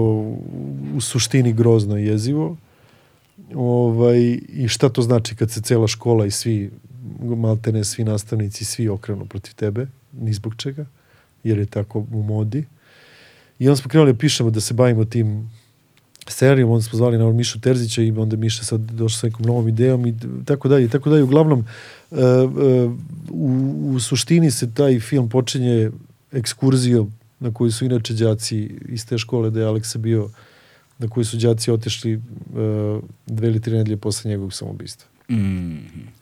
Eto, to isto malo dovoljno govori o tome koja je svest o tome i kako postojala jedna re- rečenica koju sam ja čuo od, od Gage koju su govorili neki nastavnici koja je koja je išla ovako nije to ništa i to su uvek izgovarali kad se nešto, znaš, kao klinci malo pobiju, pa malo nekog maltretiraju, pa malo ovo, pa, ma nije to ništa. To su kao deca, nije to ništa, nije to ništa, nije to ništa i to nije to ništa proizvede to što proizvede. Da, kao, kao konačan ishod. Da. To su, to su te tragedije ono, društava, ne samo naših, ne, ne, da ne pomisle ljudi da sad kao se fokusiramo na nešto što Nema, je nije, super to, to, lokalno postoji, ne, naš, ne, ali... to postoji svuda, nije to, nije to ništa. Mi smo sad za taj projekat i dobili ovaj, neka sredstva i u Hrvatskoj, Bugarskoj, Italiji i na mediji i tako dalje, tako da mislim ljudi znaju o čemu mi pričamo, nije to ništa sad kao ovde imamo Da. neko ekskluzivno pravo, ali se čini da se ovde jako malo priča o tome.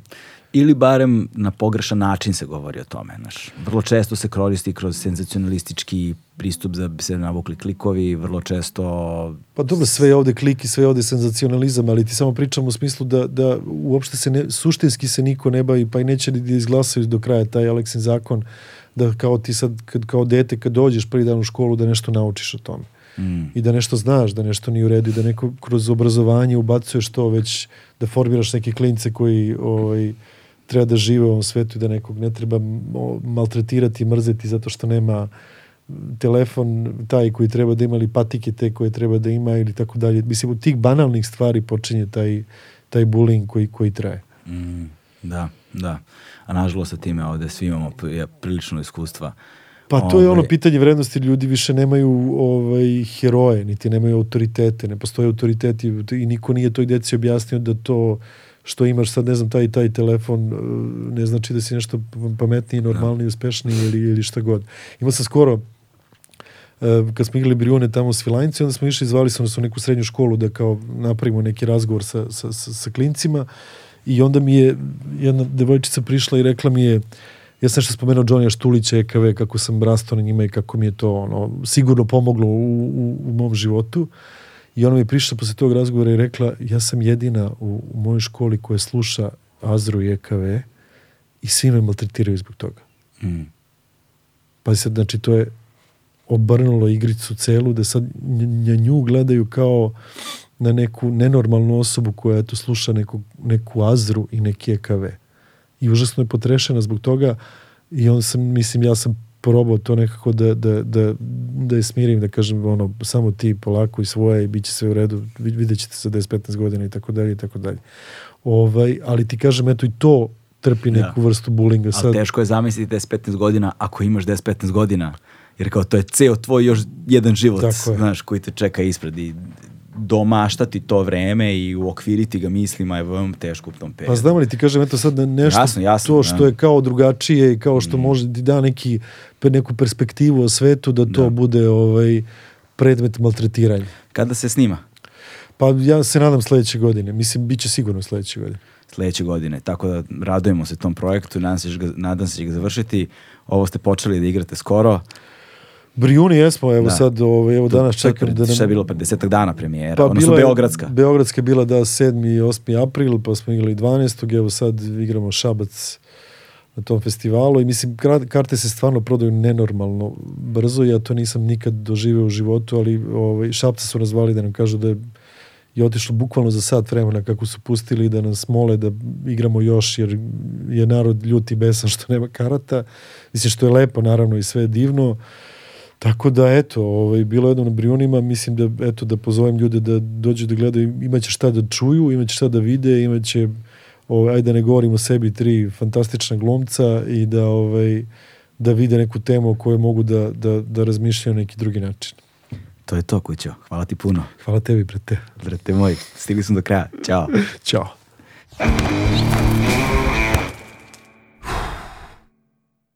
Hmm.